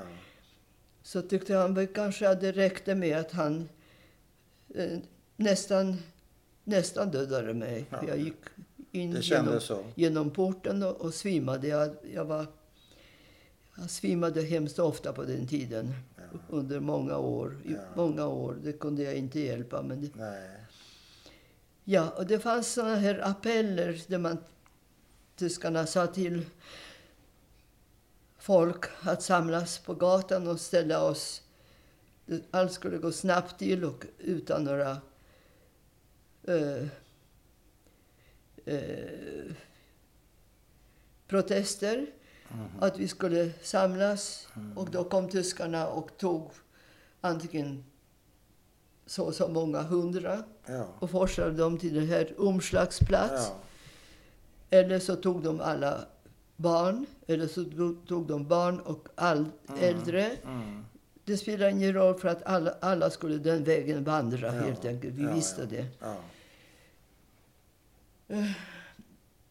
Och, Vill du ta en paus? Mm, nej, nej. Är det okej? Det går bra. Ja. Kan hälla upp lite mer vatten kanske? Du kan göra en liten paus. Jag kan ja, tala med dig. Ja. Eh, var var vi någonstans? Det var appell och det plockades ut och alla förstod vad slutet skulle vara. Jo, jag hade en fråga med anledning av det. Eh, är det någon i din familj som eh, plockas ut under en appell och, och forslas till omslagsplats? Eller är ni ihop hela tiden under den här tiden? Jag ska berätta. Eh, under de, de här appellerna så är det väl så att eh, vi är helt på det klara med vilka det är som kommer att tas utan tvekan. Mhm. Och det är gamla, det vill säga folk över 60, Jaha. och barn. Ja. Och de måste alltså gömmas på olika ställen Okej. eh, i dessa hus. Eh, i, många, I många fall är det så att man... Jag vet inte vem det är som har berett dessa eh, platser Nej. att gömma sig på. Men eh, ibland så har de stoppat mig och mina kusiner i någon otroligt smal avsats under eh, fönsternischen på något sätt. Aha. Och att jag fick plats där, det förstår jag. Och mina små kusiner. Men Ja. det, hur man gjorde med de gamla, det, det förstår jag inte. Nej. Men eh, eh, som sagt var, vi har ju inte vetat med bestämdhet hur, hur livet skulle bli i de, de här eh, läger. Mm. Alla var rädda. Mm. Eh, det hände någonting väldigt dramatiskt. Eh, det är väl kanske nästan i slut... Ja, i, när halva tiden, tror jag, under gettotiden hade passerat. Då var det några ungdomar som redan hade forslats till, till ett sånt där läger. Eh, vilket av dem, det vet jag inte vad det heter alltså. Och deras föräldrar var redan mördade. Deras syskon, mindre syskon var, deras, var också redan dödade. Men de själva användes som arbetsslavar. För det fanns nästan i varje sån där eh, läger fanns det behov av, av starka unga människor som kunde utföra något arbete som var bra för tyskarna. Och de här unga människor, trots att de hade förlorat sina närmaste, eh, bestämde sig för att försöka rymma från den här platsen Okej. och ta sig tillbaka till Warszawas getto, därifrån de kom. Och de gjorde det. Flera av dem mördades på vägen, sköts på vägen. Ja. Men flera av dem överlevde. Det är också ett känt faktum. Ja. Och de kom in i getton. Mhm. De spred sig och berättade för så många som de hann Mm. att vi inte skulle tro på någonting som vi blev upplysta om av tyskarna. Jaha. Utan att det här, alla dessa läger var dödsläger. Mm. Det var inte arbetsläger, det var krematorier, det var gaskammare, det var exekutioner, det var massdödande. Och enda syftet var att ta, ta död på så många människor så snabbt och systematiskt som möjligt. Hörde du det här också? Jag hörde det inte. Jag hörde det av andra som Ja, hade hört det. ja. Men de, de här få människorna spred sig Ja, över ja, hela gettot för att kunna informera så Men många. vad som- var... Okej. Mm. Så att eh, det, det förändrade ju atmosfären i gettot till Ja. ytterligare Ja, förtvivlan. mer förtvivlan. Och jag vet att många gånger så försökte tyskarna eh, hålla oss, vad ska vi säga, lugna och inte eh, ha någon sorts uppror. Eh, och vid ett tillfälle så var jag tillsammans, tillsammans med min syster och jag minns det mycket väl för det var i närheten av vårt hem. Och jag stod på gatan och höll hennes hand. Och på, uppe på någon sorts upphöjning, på toppen av den här upphöjningen, någon sorts trappavsats, så stod det en tysk officer. Runt om var det hundratals människor som blev beordrade att, att stå där och lyssna. Och det var, jag minns mycket väl, jag, jag tror att jag minns hur han såg ut. Det var en stilig, eh, tjusig man som höll handen på huvudet på sin lilla son som såg ut som han själv. Blond och, och, och stilig och en liten pojke. Och den här tysken berättade för oss att vi inte skulle vara oroade. Att de här lägren var arbetstillfällen. Att ingen skulle fara illa. Att eh, de gamla skulle tas om hand. Barn skulle gå i kindergarten och i skolan.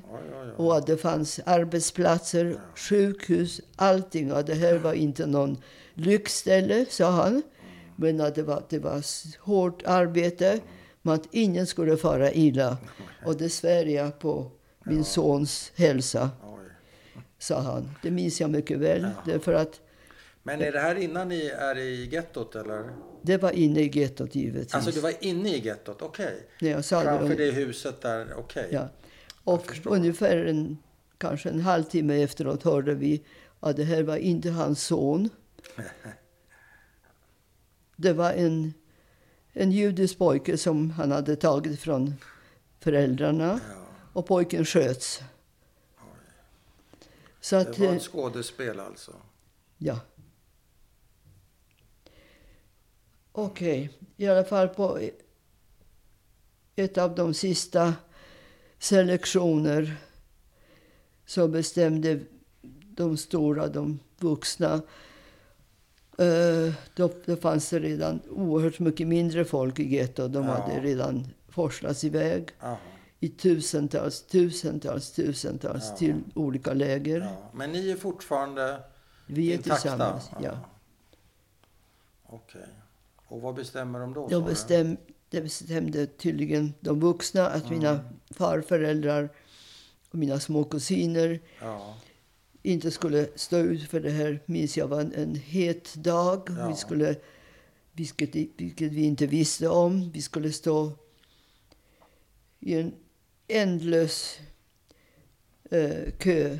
ja, Eh, så, I alla fall så mina farföräldrar och kusiner och alla de andra som var så att säga skulle inte klara den här Mm. testen.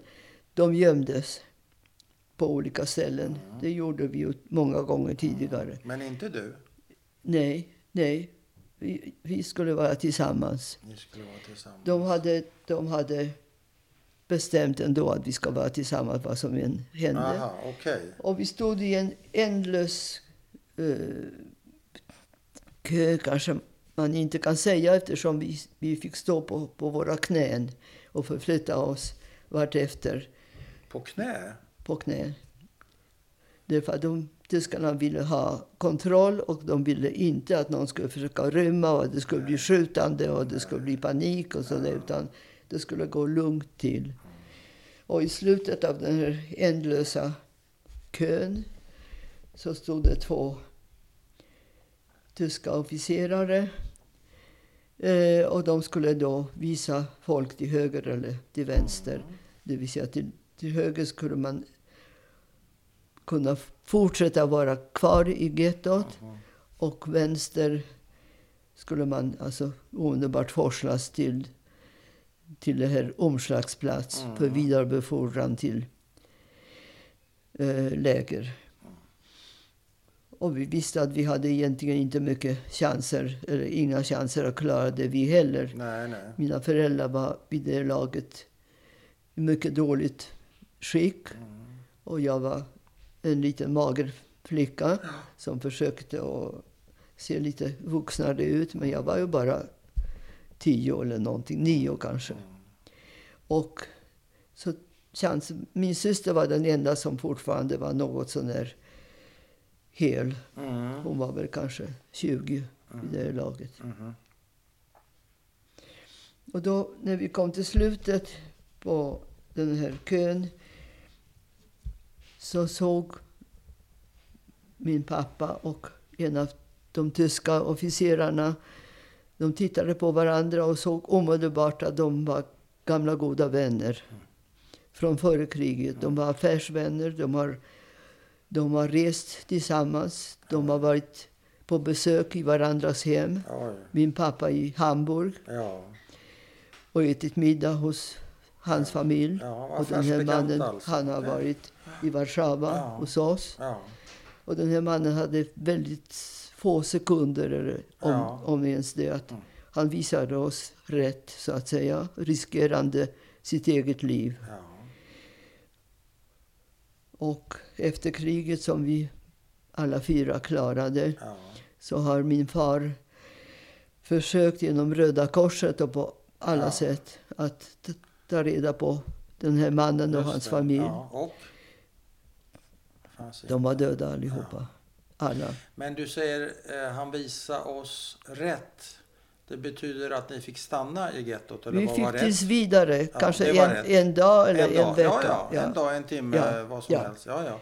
De så, andra så ni forsk- fick vara kvar? Fick. När andra skulle iväg? Okej, jag förstår. Men när vi kom tillbaka till... Men vilken tillfälle. Och de pratade aldrig med varandra utan det var bara en blick och så... Ja, nej, det var Nej, han. nej. Det var ju, han riskerade sitt liv. Ja. Han, han eh, skulle givetvis, om det upptäcktes, skulle han ju skjutas Ja, omedelbart.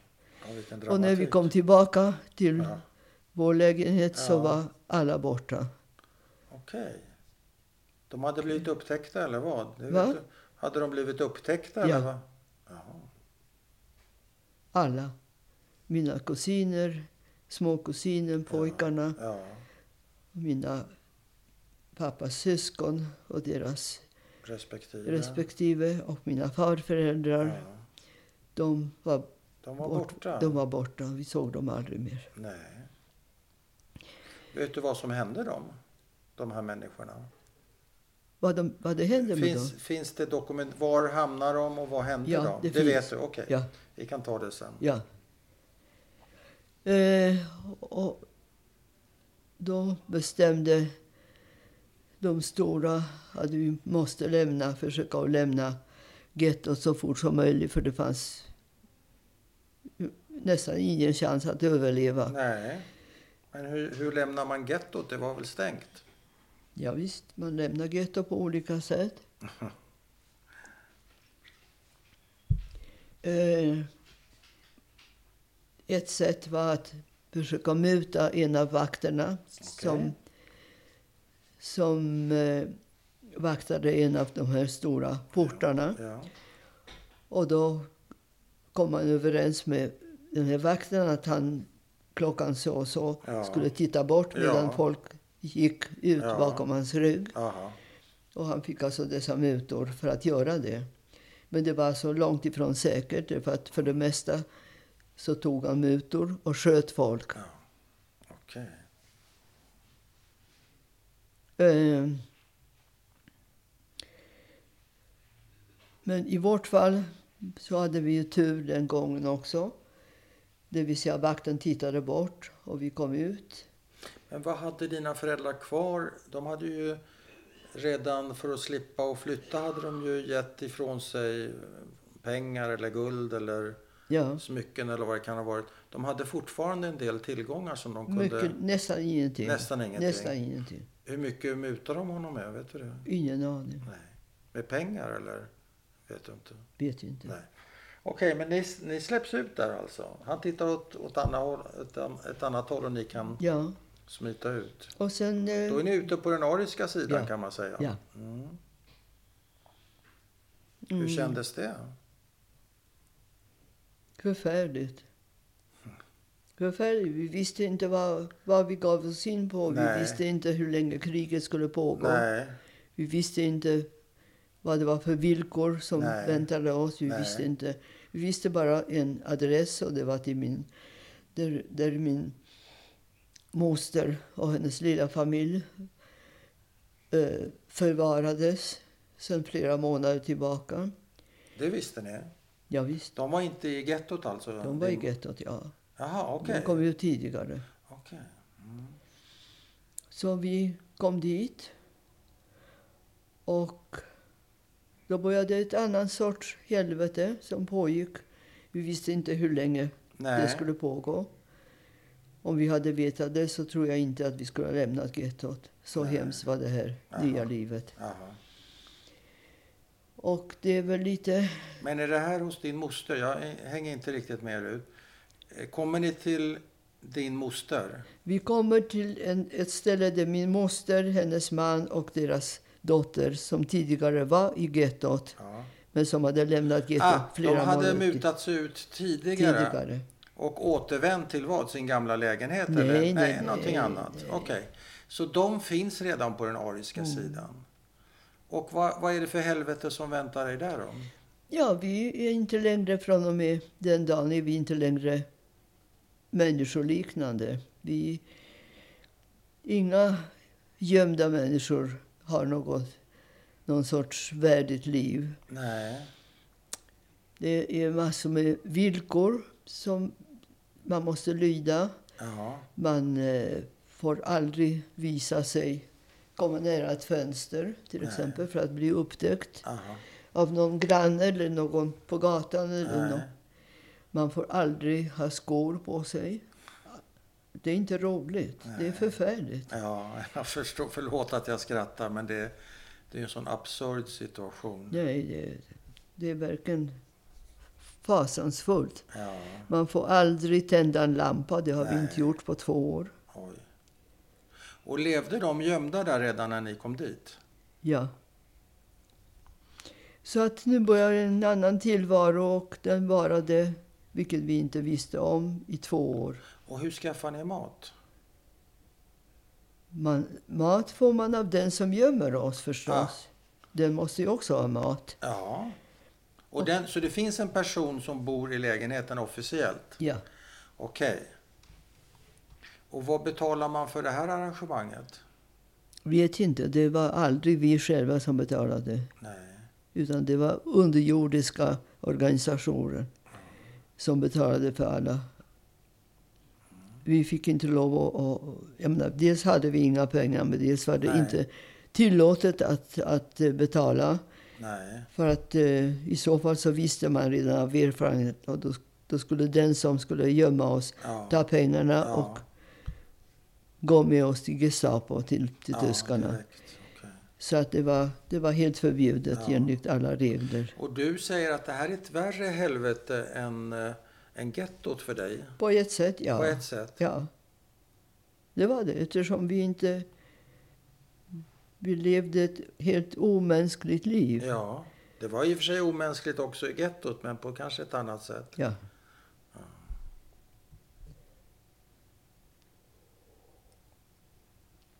Hur fördriver man dagarna i två års tid om man inte får tända och släcka? Man får inte knappt röra sig. Man får inte höras. Man får inte höras, man får inte synas. Nej. Det är det som är helvetet. Ja, Det, är- det är förfärligt. Det beror på vi bodde på flera olika ställen här också. ja, Ibland fick man lämna ett sånt ställe med minimal varsel. ja, Eftersom någon granne kanske har knackat på och sagt till värdinnan att Ja. tycker att jag hörde ja, någonting. det. Ja. Och det var tillräckligt. Ja, Eh, jag kan säga, och det här är ingenting som jag visste då, ingen av oss visste det. nej, Utan det fick vi veta, ja det fick jag veta egentligen rela- relativt nyligen. mm, Att av de åtskilliga tusen, tusentals människor som var gömda på ariska sidan. ja, Eh, det finns siffror som jag inte kan. Jag kan inga siffror överhuvudtaget. nej. Men det är väldigt många. Av alla de som gömdes på den så kallade ariska sidan ja, var det enligt Yad Vashems beräkningar mellan 5 och 7 procent som räddades. oj. De andra, an, andra angavs. Ja, så ni är en av 20 kan man säga som klarar er. 5 procent är en av 20. Ja, Och de flesta angavs alltså av Ja. grannar och liknande? ja.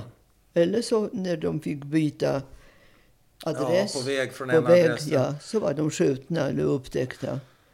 För varje jude som levererades till tyskarna fick Ja. man ungefär en dollar, nästan en dollar. Död det- eller levande? Levande. Levande. Mm.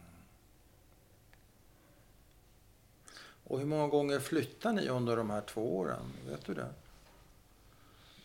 Kanske fyra gånger. Ja. Och, hur, hur, och är det hela tiden tillsammans med din Nej. moster också? Och, Nej, oh nej. nej, oh nej. Det var var bara, först. hon var först. Hon och var sen först. fick Och jag- sen, sen, sen blev det farligt att vara där. Ja. Så både hon och hennes familj fick Ja. flytta till ett annat men ställe. ni delar på det då? Ja. Och vi, Och hur hittar ni nya adresser? Ja, det var, det var, det var eh, en livsviktig sak för oss allihopa. Ja. Vi, vi hade alla en kontaktperson. I den underjordiska rörelsen, Ja. eller var? Ja, Är det här, vilken underjordiska rörelse pratar vi om? Den polska eller den judiska? den judiska. Den Men judiska. de samarbetade. Ibland så gick Ja. det bra att samarbeta, ibland gick det inte Nej, så bra, nej. som vi vet. Så ni hade en kontaktperson i den judiska Ja. underjordiska rörelsen? Ja, jag vet inte riktigt hur det var konstruerat, den Nej. här organisationen. Det var något som givetvis övergick mina Ja, ja. Okej, horisonter. men ni hade lite hjälp där kan man säga. Att hitta nya adresser. Ja, vi hade... Vi fick någon adress, Ja, eller ja, ett par adresser ja. som vi kunde rymma till Ja. snabbt. Ja. Utan att... Var, ni, var ni nära att bli avslöjade någon gång? Ja, ja. Ja. Ja. Berätta. Nej. Nej.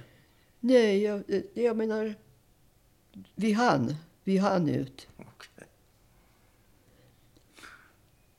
Ja, så, att så, så gick det till.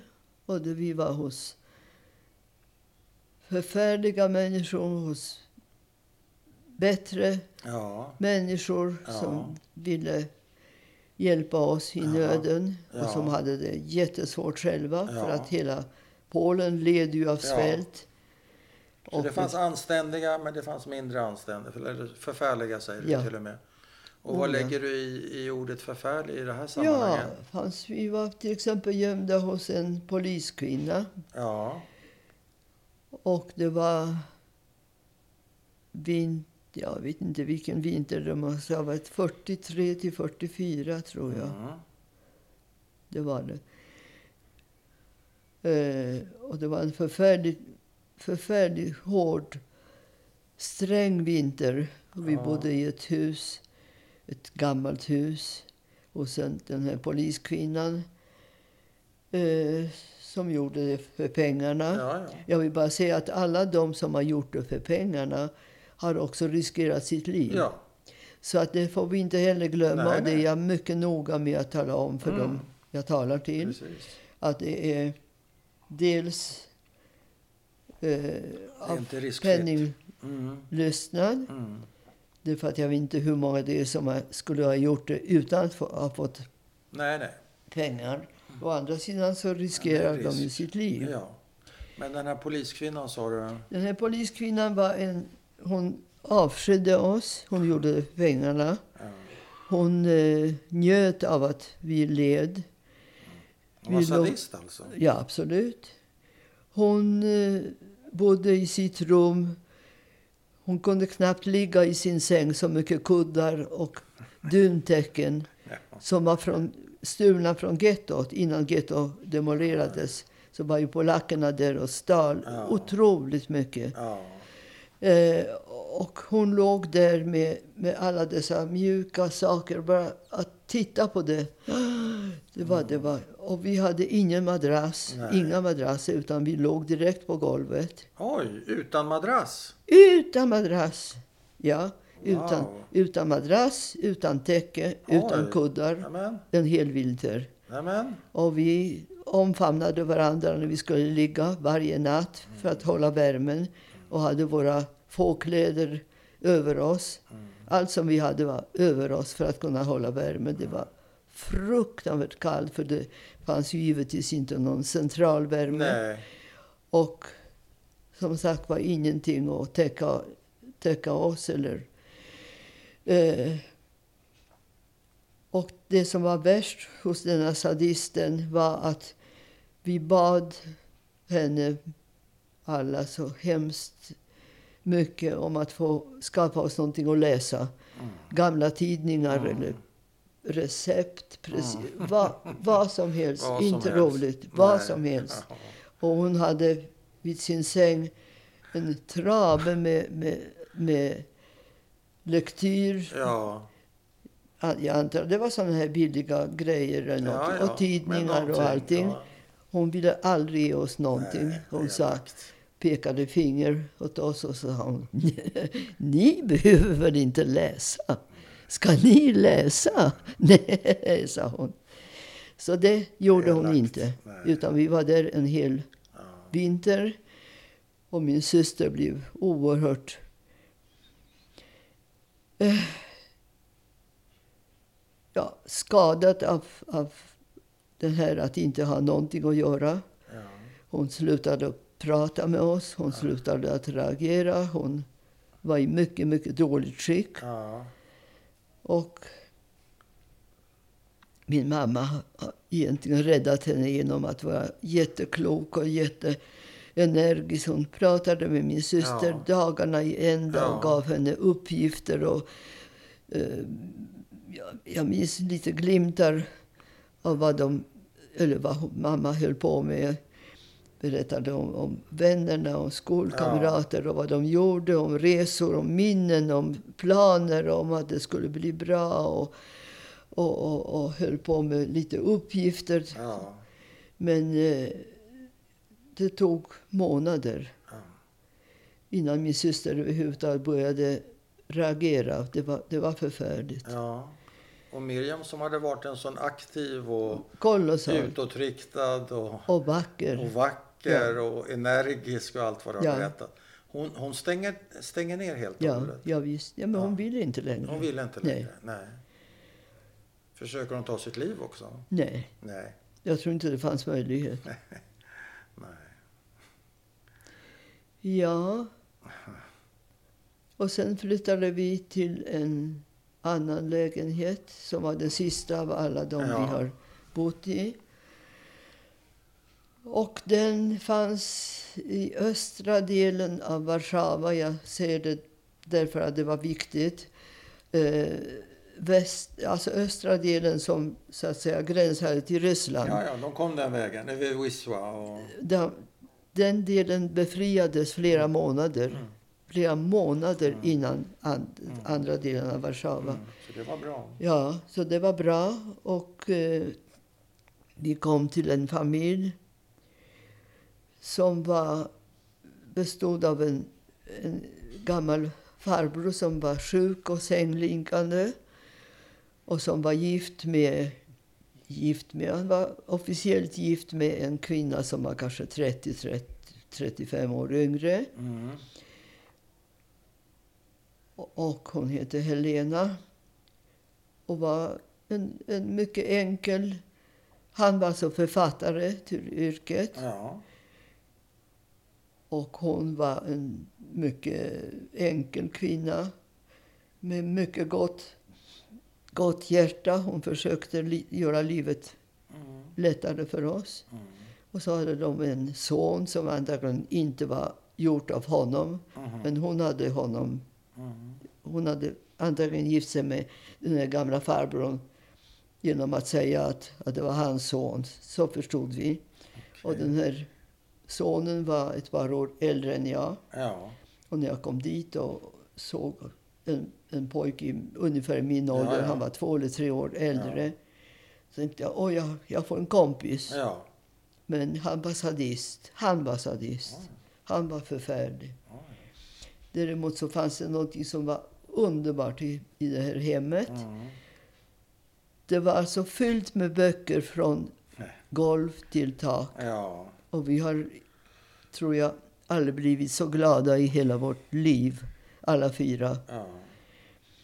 Och min syster tinade upp Okej. och vi läste. Jag har aldrig un- under mitt liv senare läst så intensivt. Jag läste flera böcker. Kanske en, två böcker per dag. Oj. Jag läste, du läste. slukar böckerna. Ja, jag slukade böcker Oj. och jag slukade. Wow. En, en rolig sak var att när, när vi kom dit Ja. så gick min mamma runt och tittade på böckerna som var på flera olika språk. Mm. Eftersom jag kunde alltså givetvis bara polska, men Mm. mina föräldrar hade flytande tyska, ryska. Min pappa jiddisch, men det fanns inga böcker på jiddisch. Min pappa kunde flytande hebreiska. Så att Ja. den här memoarboken är skriven Ja. av min pappa på hebreiska under kriget, Mm. vilket är helt unikt. Mm. Min mamma gick i alla fall runt och tittade på, på böckerna och plockade ut lite böcker och sa till mig att jag tar ut lite böcker som är olämpliga för ett litet barn. Okej. Det var pornografiska böcker, sa Jaha. min mamma. Och hon gömde dem. Ja. Och, och, och jag hittade Och dem hittade förstås. dem. Såklart. Såklart. Tittade i dem. Och sen sa jag till min mamma långt efter att Ja. jag kunde inte begripa vad det var för Nej. kul med de böckerna. när det fanns så mycket jag menar, fantastiska som Hemingway eller, eller Jack London. Ja. Eller alla amerikanska och ryska och Ja, andra författare som var så spännande. Och här var några idiotiska saker. Så att min mamma tyckte det var helt fantastiskt att, det blev så. Ja, i alla fall så, så småningom. Hur minns du befrielsen? För den sker när ni bor hos den här mannen, eller? Vi Då blir ni bodde där, befriade. ja. Hur minns, minns du den? Ja, det var, det var ingenting sensationellt. Inte? Nej, inte alls. Det pågick strider och vi var... Vi hörde strider man mot man mellan tyskar Ja, och ryssar ja. utanför fönstren som pågick Oj. i veckor. Oj, Folk som dödade varandra med kniv. oj. Det var fasen så. Vi var helt, helt enkelt fullkomligt slut. Ja, Då, då var det inte längre tal om att, att läsa böcker för det var, det var för mycket. Ja, våld. Och vi visste att vi antagligen skulle bli bombade. Eh, och vi vågade inte gå i skyddsrum. Nej. Utan när alla andra gick i skyddsrum, så när, det, när larmet gick, Mhm. eh, det var de allierade som bombade Warszawa. Mm. Jag menar, det var deras tur. Först var det tyskarna och sen var det de Precis. allierade. Ja. Men nu var det så ordentligt gjort så att Warszawa blev det nästan ingenting kvar av. Och det var ingenting att, att vara lyckliga över. Vi hade förlorat stora delar av vår familj. Ja. Vi var sjuka, Ja. vi var eländiga. Vi Ja. visste inte vem som var kvar av familjen. Vi var När- glada att vi När ö- förstod du att du var fri? Att du var befriad? ryssarna kom. Då förstod att du var befriad. Men du kände ingen glädje? Tror inte det. Nej. Tror inte det. det för de var så de var så våldsamma och de var så Ryssarna? ryssarna. Så det var, var, de det var, våldsamma mot er eller vad?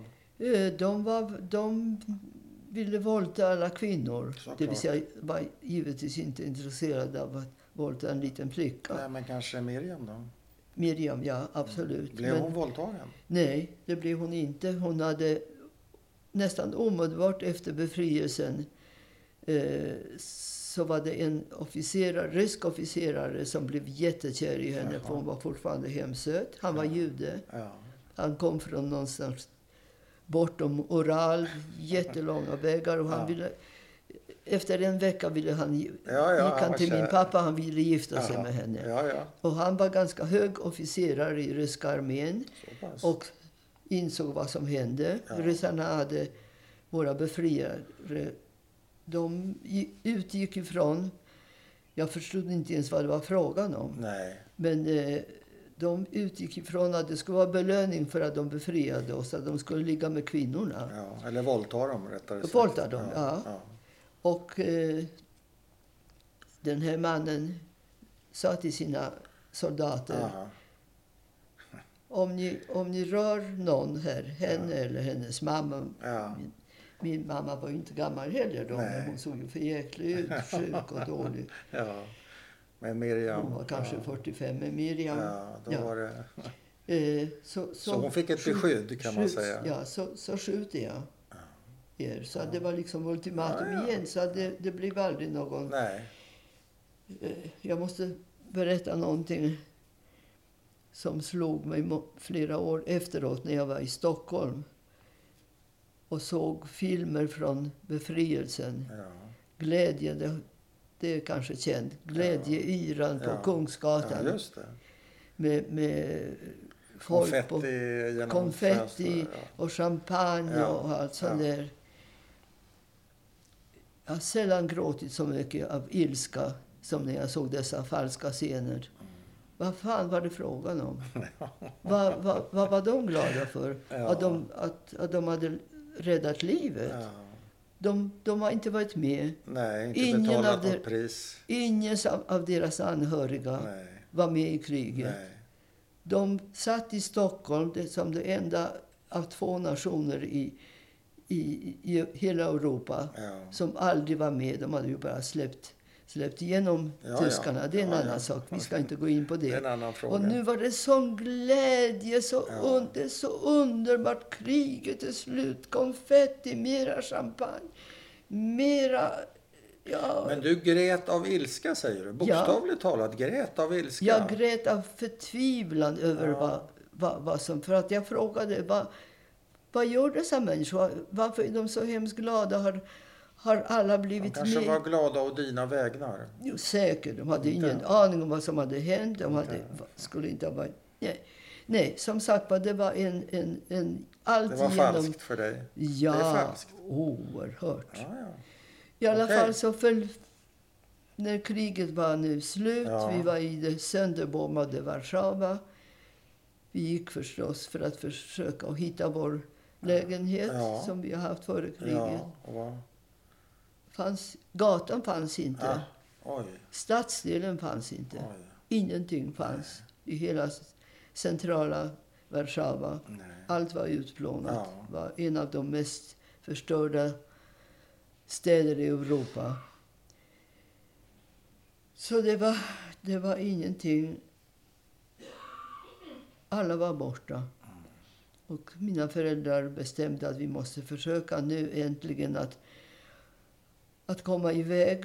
Men nu var de båda väldigt sjuka, mina föräldrar. Ja, Och helt utan pengar. ja, Utan möjlighet att överhuvudtaget göra någonting. ja, Så att deras mål var att försöka att hitta en plats eh, i Europa därifrån de så småningom kunde ta sig till Palestina. Okej, fortfarande var idén att Absolut. komma till Den Palestina. stora drömmen som nu omfattades givetvis av oss alla fyra. Ja, Förut var det mest min pappa som, som ja, drevs av, av det här. ja, pappa och, och hans familj. ja, Så att eh, min pappa lyckades så småningom. Förresten var, var min pappa, vi bodde i någon provisorium i det sönderbombade Warszawa. jaha, Eh, i någon, ja, jag, jag vet inte hur det såg ut. Det var folk bokstavligen sov ja, eh, sittande. Det var oerhört trångt. ja, Och det blev någon sorts eh, ja, judiskt center för dem som försökte hitta varandra, Mm. hitta an, anhöriga eller vänner eller ja. någonting sånt där. Och vi var där i många, många veckor Mm. i Warszawa. Eh, det var hemskt svårt att ta sig. Vi försökte komma därifrån mm, eh, till ett ställe utanför Warszawa där, där vi fick höra att många judiska familjen, familjer hade tytt sig till och var där i, i avvaktan på någon sorts fortsättning. mm, Men eh, vi blev, det var nästan omöjligt att bli transporterad dit från Warszawa. Det Ja. hette Otwock och det är ett känt ställe. mm, Eh, därför att polackerna ville, såg att vi var judar. Nu när vi var så få mm, överlevande så sa de vi vill inte befatta oss med smuts. Det var vi. Och det var återigen min systers uppvaktande kavaljer som sa att då, då, då skjuter jag en kula i huvudet på dig. Eller se till att, att när du kommer dit utan... Därför att vi, det var ju en viss fara för att de skulle ta oss. ja, En man med häst och vagn ja, förstås. ja, ja, Det fanns ju inga bilar eller Nej. någonting sånt. Eh, om inte de, den här familjen levereras hela som de är till det här stället som du, då ska jag se till att du blir mottagen med en kula i huvudet. Säger han det till kusken alltså? Ja. Oj! Mm. Så vi kom dit och vi var där i ja, tre kvart år. Oj, så länge? Så länge det Och hur bor ni? Vi bor i ett hus där det bara bor judiska familjer. Ja, Oerhört trångt. Men nu är vi i frihet. Nu kan vi börja känna någon sorts, ja, någon sorts mycket avmätt lycka utan konfetti. avmätt lycka utan konfetti. Ja. Okej, ja. Men känner du att du är på väg att bli människa igen? Att du får tillbaka ditt värde? Eller är det för tidigt? Ja, nej, nej, nej. nej. Nej, Jag har, jag Du har ditt värde? Jag har mitt värde, absolut. Och jag, har, jag får dessutom av min enormt kloka pappa. Jag har haft fantastiska föräldrar. Ja. Jag får en valp. Du får en valp. Ja. Så det, då, då är Vad min- fint. Ja, Vad hette valpen? Han heter Buse, det vill säga översatt från polska. Aha, och på polska? Orvis. Orvis. Eh, och det var jättefint. Vad fint av din pappa. Ja, och det måste ju ha kostat pengar också. Det fanns väl inte så mycket. Vad levde ni på? Vi fick hjälp av, av uh, World Jewish Congress. Ja. Jag vet att de... de eh, Och joint kanske? Eller? joint, joint. Ja, det måste ha varit joint. Ja. Förlåt. Ja, Jag ja. kan inte sånt. Nej, nej. men det, Och det är mycket jag inte kan också så det är Mm. ingen fara. Okej, så ni är där tre kvarts år och ni är ändå omgivna Och jag går i skolan. Du går i skolan? Ja.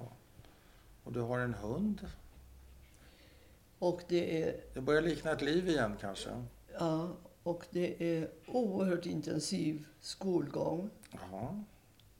Oerhört intensiv. Ja. Jag har fått i uppgift att göra tre klasser på en sommar. Wow.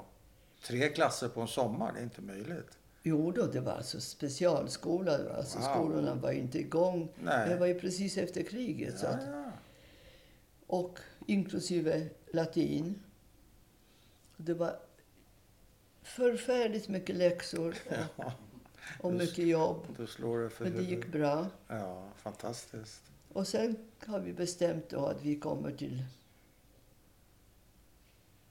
till Sverige. Men hur gick det med din syrra och officeren? Ses de nog mera? Nej, De ses aldrig mer igen Nej. efter... nej, nej. Jag vet inte vad som hände med honom. Han, Nej. han kom tillbaka till sitt hem. Alltså Någonstans- i Uralberget någonstans? Ural, ja. ja. Ja, Och sen Och hade de det- aldrig kontakt? Eh, Det kom ett brev som tyvärr inte finns kvar. Nej.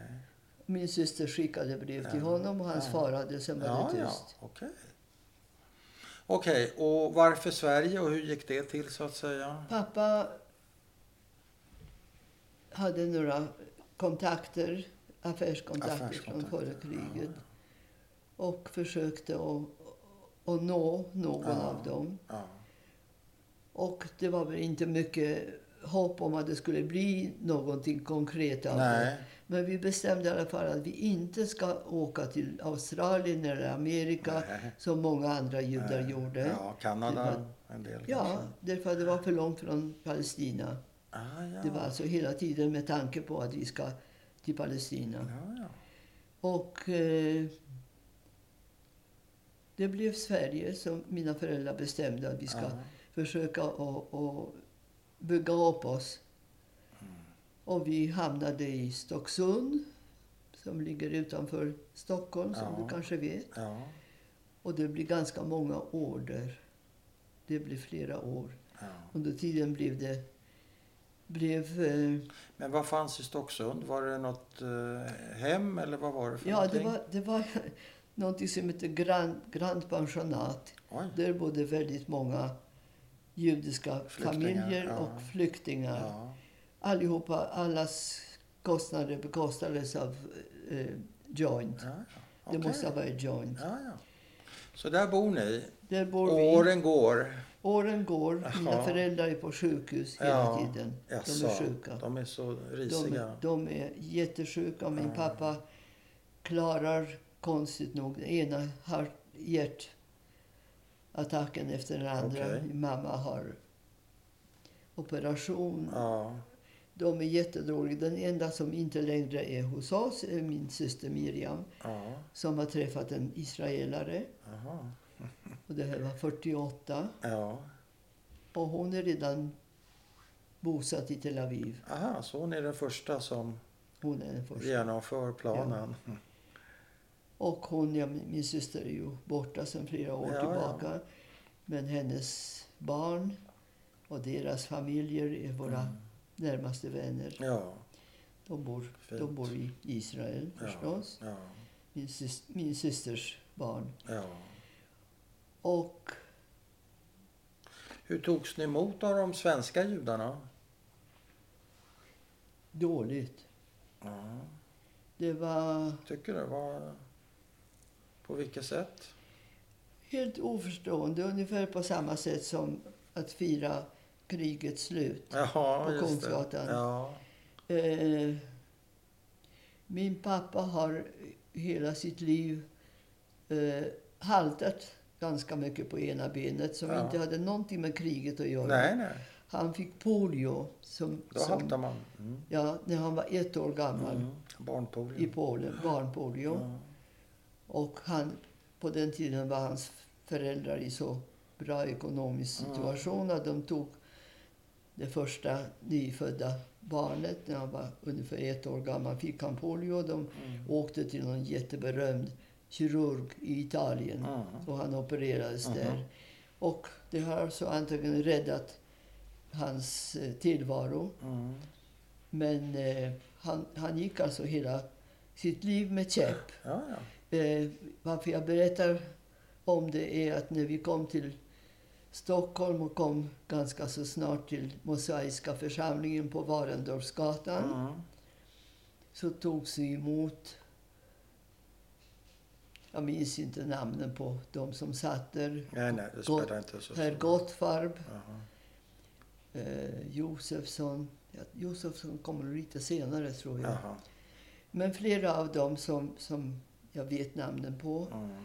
Och pappa ville ha hjälp, ekonomisk hjälp och Mm. överhuvudtaget ha någon sorts stöd. Och, och så sa de att det finns eh, ett rum här som är fyllt med, med eh, vad heter det? Eh, pjäxor. Okej. Och- Till vintern. Ja, för vintern och för Ja. min pappa som, Ja, som var halt. ja, ja. Så att, och för oss för att åka skidor i. ja. Så det var deras. Vad bra. Ja. Och då Ja. kan jag tänka mig, jag, var med pappa minns jag. Och jag Det var det? ja, och jag minns att han blev så ifrån sig. Ja, så han... han, blev ledsen. Oj, han blev arg? ja, så Vadå, han, han viftade med ja, han sa att... knuten näve? Skällde på dem? Ja, Ja, det var ju tufft. Ja, så i början var det alltså inte så bra. De, hade, de visste inte riktigt Nej. vad som hände. Och det var, det var mest konfetti och sådär. Jag har hakat upp det på den där konfetten. Ja. Du, en fråga. Eh, för jag, vi ska börja runda av. Eh, har du funderat på varför du har utsatts för det här? Gör man inte det? Att man funderar på varför drabbar det här mig? Har du Ja. gjort det? Har Ja, du ställt men- den frågan till dig själv? Det var, det var ju den frågan jag ställde till mina föräldrar. Ja, just det. Det var den första frågan. Just det. Ja, Men så- min fråga är, har du fortsatt att st- ställa den frågan till dig själv? Självklart. Det gör du? Självklart.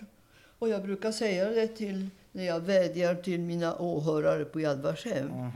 Det är för att jag ber dem om olika saker. Mm. Och jag frågar dem också, eftersom det är icke-judar. Mm. Så frågar jag, vad, har ni någon förklaring till varför det finns så mycket judehat? Mm. eh, vad det bottnar i, varför det är så. Och har ni något, något recept eller förslag eller idé om hur man kan bota detta oerhörda hat som nu blom, blomstrar igen? Antisemitismen på uppvaknande. Jag menar, det har alltid funnits. Det finns och Ja. det Och jag finns mer och det att- finns mindre. Det... Ja, att jag, att jag säger samma sak, som jag, samma fråga som jag ställde till mina Ja. föräldrar. Varför är det olika plakat för oss judar? Ja. Då var jag en liten, liten flicka Ja, som och just den hade frågan har följt dig kan man säga. hela mitt liv. Och den frågan finns det inget svar på Nej, det finns ingen logik i. Nej. Och det är tyvärr så att det är både vänstern och högern, Mm. alla möjliga politiska Mm. organisationer Mm. eh, plus det som, som har tillkommit för inte så länge sedan, det vill säga förintelsens förnekare, Mm. som också finns. Som påstår Ja, ja, farisam och allt det där. Ja. Visst. Det är klart. Ja, jag menar, nu finns det Det ju... spelar ingen roll hur mycket bevis. Det går alltid Ja. att förneka om man vill. Va? Så att, eh, Kan du stänga av ett ögonblick? ja då. Nu ska Om jag bara bara- gå. Jag vill hemskt gärna ha... Jo, var är vi någonstans? Var var vi? Eh, vi pratar om... Att vi är eh, i det- Stockholm.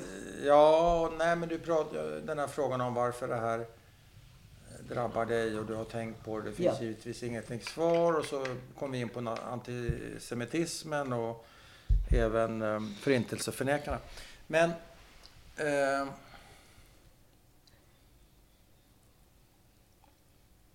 Kände du att du blev av med ditt människovärde i eh, till exempel eh, i gettot? Om jag kände? Att du blev berövad ditt människovärde i gettot? Eller har du haft kvar det hela tiden så att säga, genom allting?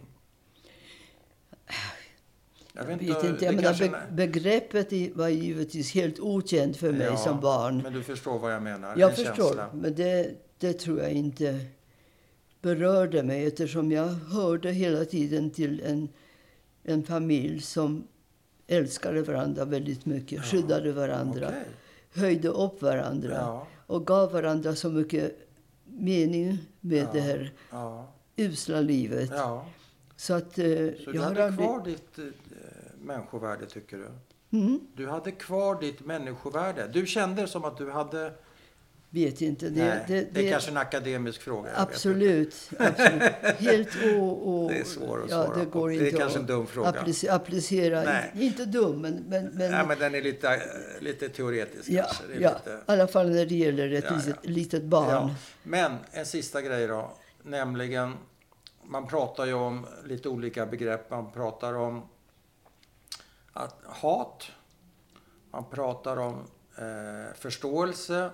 Man pratar om förlåtelse. Vad, hur har du förhållit dig till de här upplevelserna med de här sadistiska människorna, polacker eller de sadistiska nazisterna i, i gettot? Hatar du dem?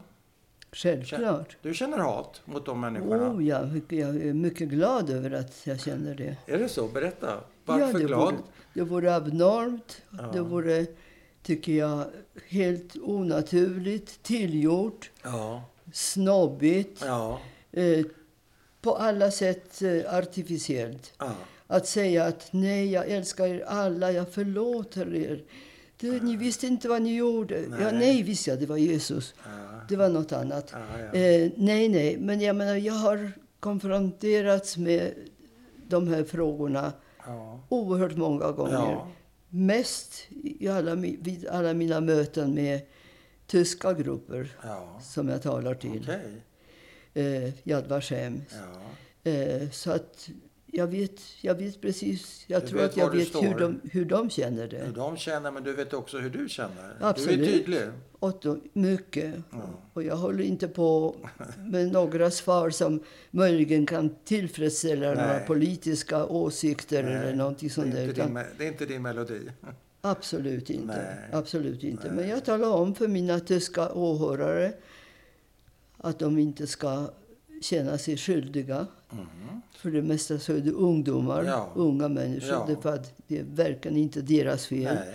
Det är verkligen inte deras föräldrars fel. För deras Nej. föräldrar var, skulle ha varit... Jag menar, de är nu Ja. kanske 45. Ja. Eh, de var inte födda. Nej. Och så vidare. Och de kan inte ta ansvaret för vad deras förfäder Nej. gjorde. Nej. Och eh, Det vill jag, säga, du tror inte på arvsynd, utan var och en får svara för sitt. självklart. Ja, Och jag självklart. frågar dem ibland, beroende på vem jag talar med. Ja. Jag, jag talar fortfarande om de ty- tyska grupperna. Ja, jag frågar hur många av er vet om att ni har haft förbrytare i familjen. Och hur många De svarar? svarar. De gör det? Ja. De Fint. svarar. Ja. Och de, i och med att, vi, att jag frågar dem Mm. och att jag berättar om att jag har givetvis hatat och hatar fortfarande de som har gjort sig skyldiga till Mm. det här värsta, värsta brottet i Mm. mänsklighetens historia eftersom det var så väl planerat och klokt genomfört. Mm. Eh, så, så vet jag också mina egna känslor att jag för i likhet med alla andra skulle inte ens köpa en tysk produkt Fortfarande inte? för 50 eller 60 eller 70 år sedan. Ja, Och med det har jag gått ifrån. Ja. Jag har varit i Tyskland. Jag har tyska bekanta. Ja, okej.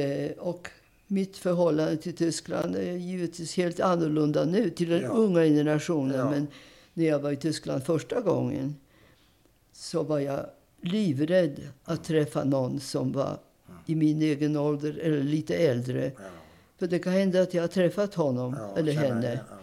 Och eh, för dem har jag ingen som helst varken förståelse eller lust att vara tolerant eller, eller medmänniska eller någonting. De var förbrytare. Ja. Eh, kriminella, perversa människor som de, där de flesta gjorde det med stor glädje. Era förfäder. Eh, därför att, Säger du till den här Ja. gruppen? Jag förstår. ja, visst. Du, var bra. Jag är nöjd. Har du någonting som du vill lägga till, Rut? Ja, det vill jag. Varsågod. Eh, då vill jag säga att när det efter de här åren i Sverige där vi hamnade på pensionatet. Eh, och mina föräldrar blev bättre och min pappa började göra lite eh, affärer i ganska låg, på ganska låg nivå, men Mm. ändå. Och min syster var redan i Israel. Israel fanns redan. Mm. Eh, och vår önskan att komma dit var enormt. Mm. Och då sa mina föräldrar att nu är vi redo Mm. att flytta till, till Israel. Mm. Eh, men då hade jag precis träffat en mycket trevlig ung man. Och jag hade ett jättesvårt beslut framför mig. Antingen att följa mina älskade föräldrar Ja. och träffa min din syster. Vi har syster. alltid varit tillsammans. Ja. Eller att, att binda mig med en fr- helt främmande person som jag egentligen inte visste så mycket om. Annat Nej. än att jag tyckte att han var jättebra och han tyckte att jag var jättebra. Så det var mycket, mycket svårt beslut. Ja. Var du kär? Va? Var du kär? Jag var kär, ja. Mycket kär. jag är Mycket fortfarande det. Ja. Vad bra. Så att jag har eh, bestämt mig för honom. Ja. Och eh, han är fortfarande min bästa vän. Ja, Och vi har varit gifta i 66 år. Ja, fantastiskt. Det är underbart. Ja, det är underbart. är faktiskt. Och vi är lyckliga över att våra barnbarn säger till våra barnbarn som givetvis är födda i Israel, Ja. alltså min, min systers Ja. barnbarn. Alltså våra barnbarn och min systers barn, alla är, Ja. är födda här. Ja. Alla är, känner sig hemma. Vi är själva lyckliga att vi är i Israel Mm. och har förhoppningar om att det här hatet som vi vet finns runt omkring Mm. oss, att det på något sätt ska minska. Hur vet jag inte. Jag har Nej. inget recept på det. Nej, det är ingen som har. Ett av mina barnbarn gör sin, nu sitt, avslutar sitt femte år i militären. Det är mycket och han har valt, trots att han är jätteskärpt, har han valt en, eh, vad heter det, bataljon? Nej, vad heter det? Någonting Bataljon, som är kämp... division, Nej, nej, så heter det inte. Så Det man, det man kämpar vid behov, det man utkämpar Okej. Elitförband kanske? något elitförband. Därför att han ser att landet är i, sin- i, ett, ja. ett sånt läge Ja, så att det hotas hela tiden. Det hotas av arabländer runt om Ja, oss ja, ja. som hotar oss därför att de inte vill ha oss här trots Nej. att landet Israel är så litet, så litet så måste, om man tittar på alla länder runt om så finns det plats, borde det finnas plats för alla. Men eh, ja, så att jag hoppas att det blir, att det blir bättre Ja. med världen.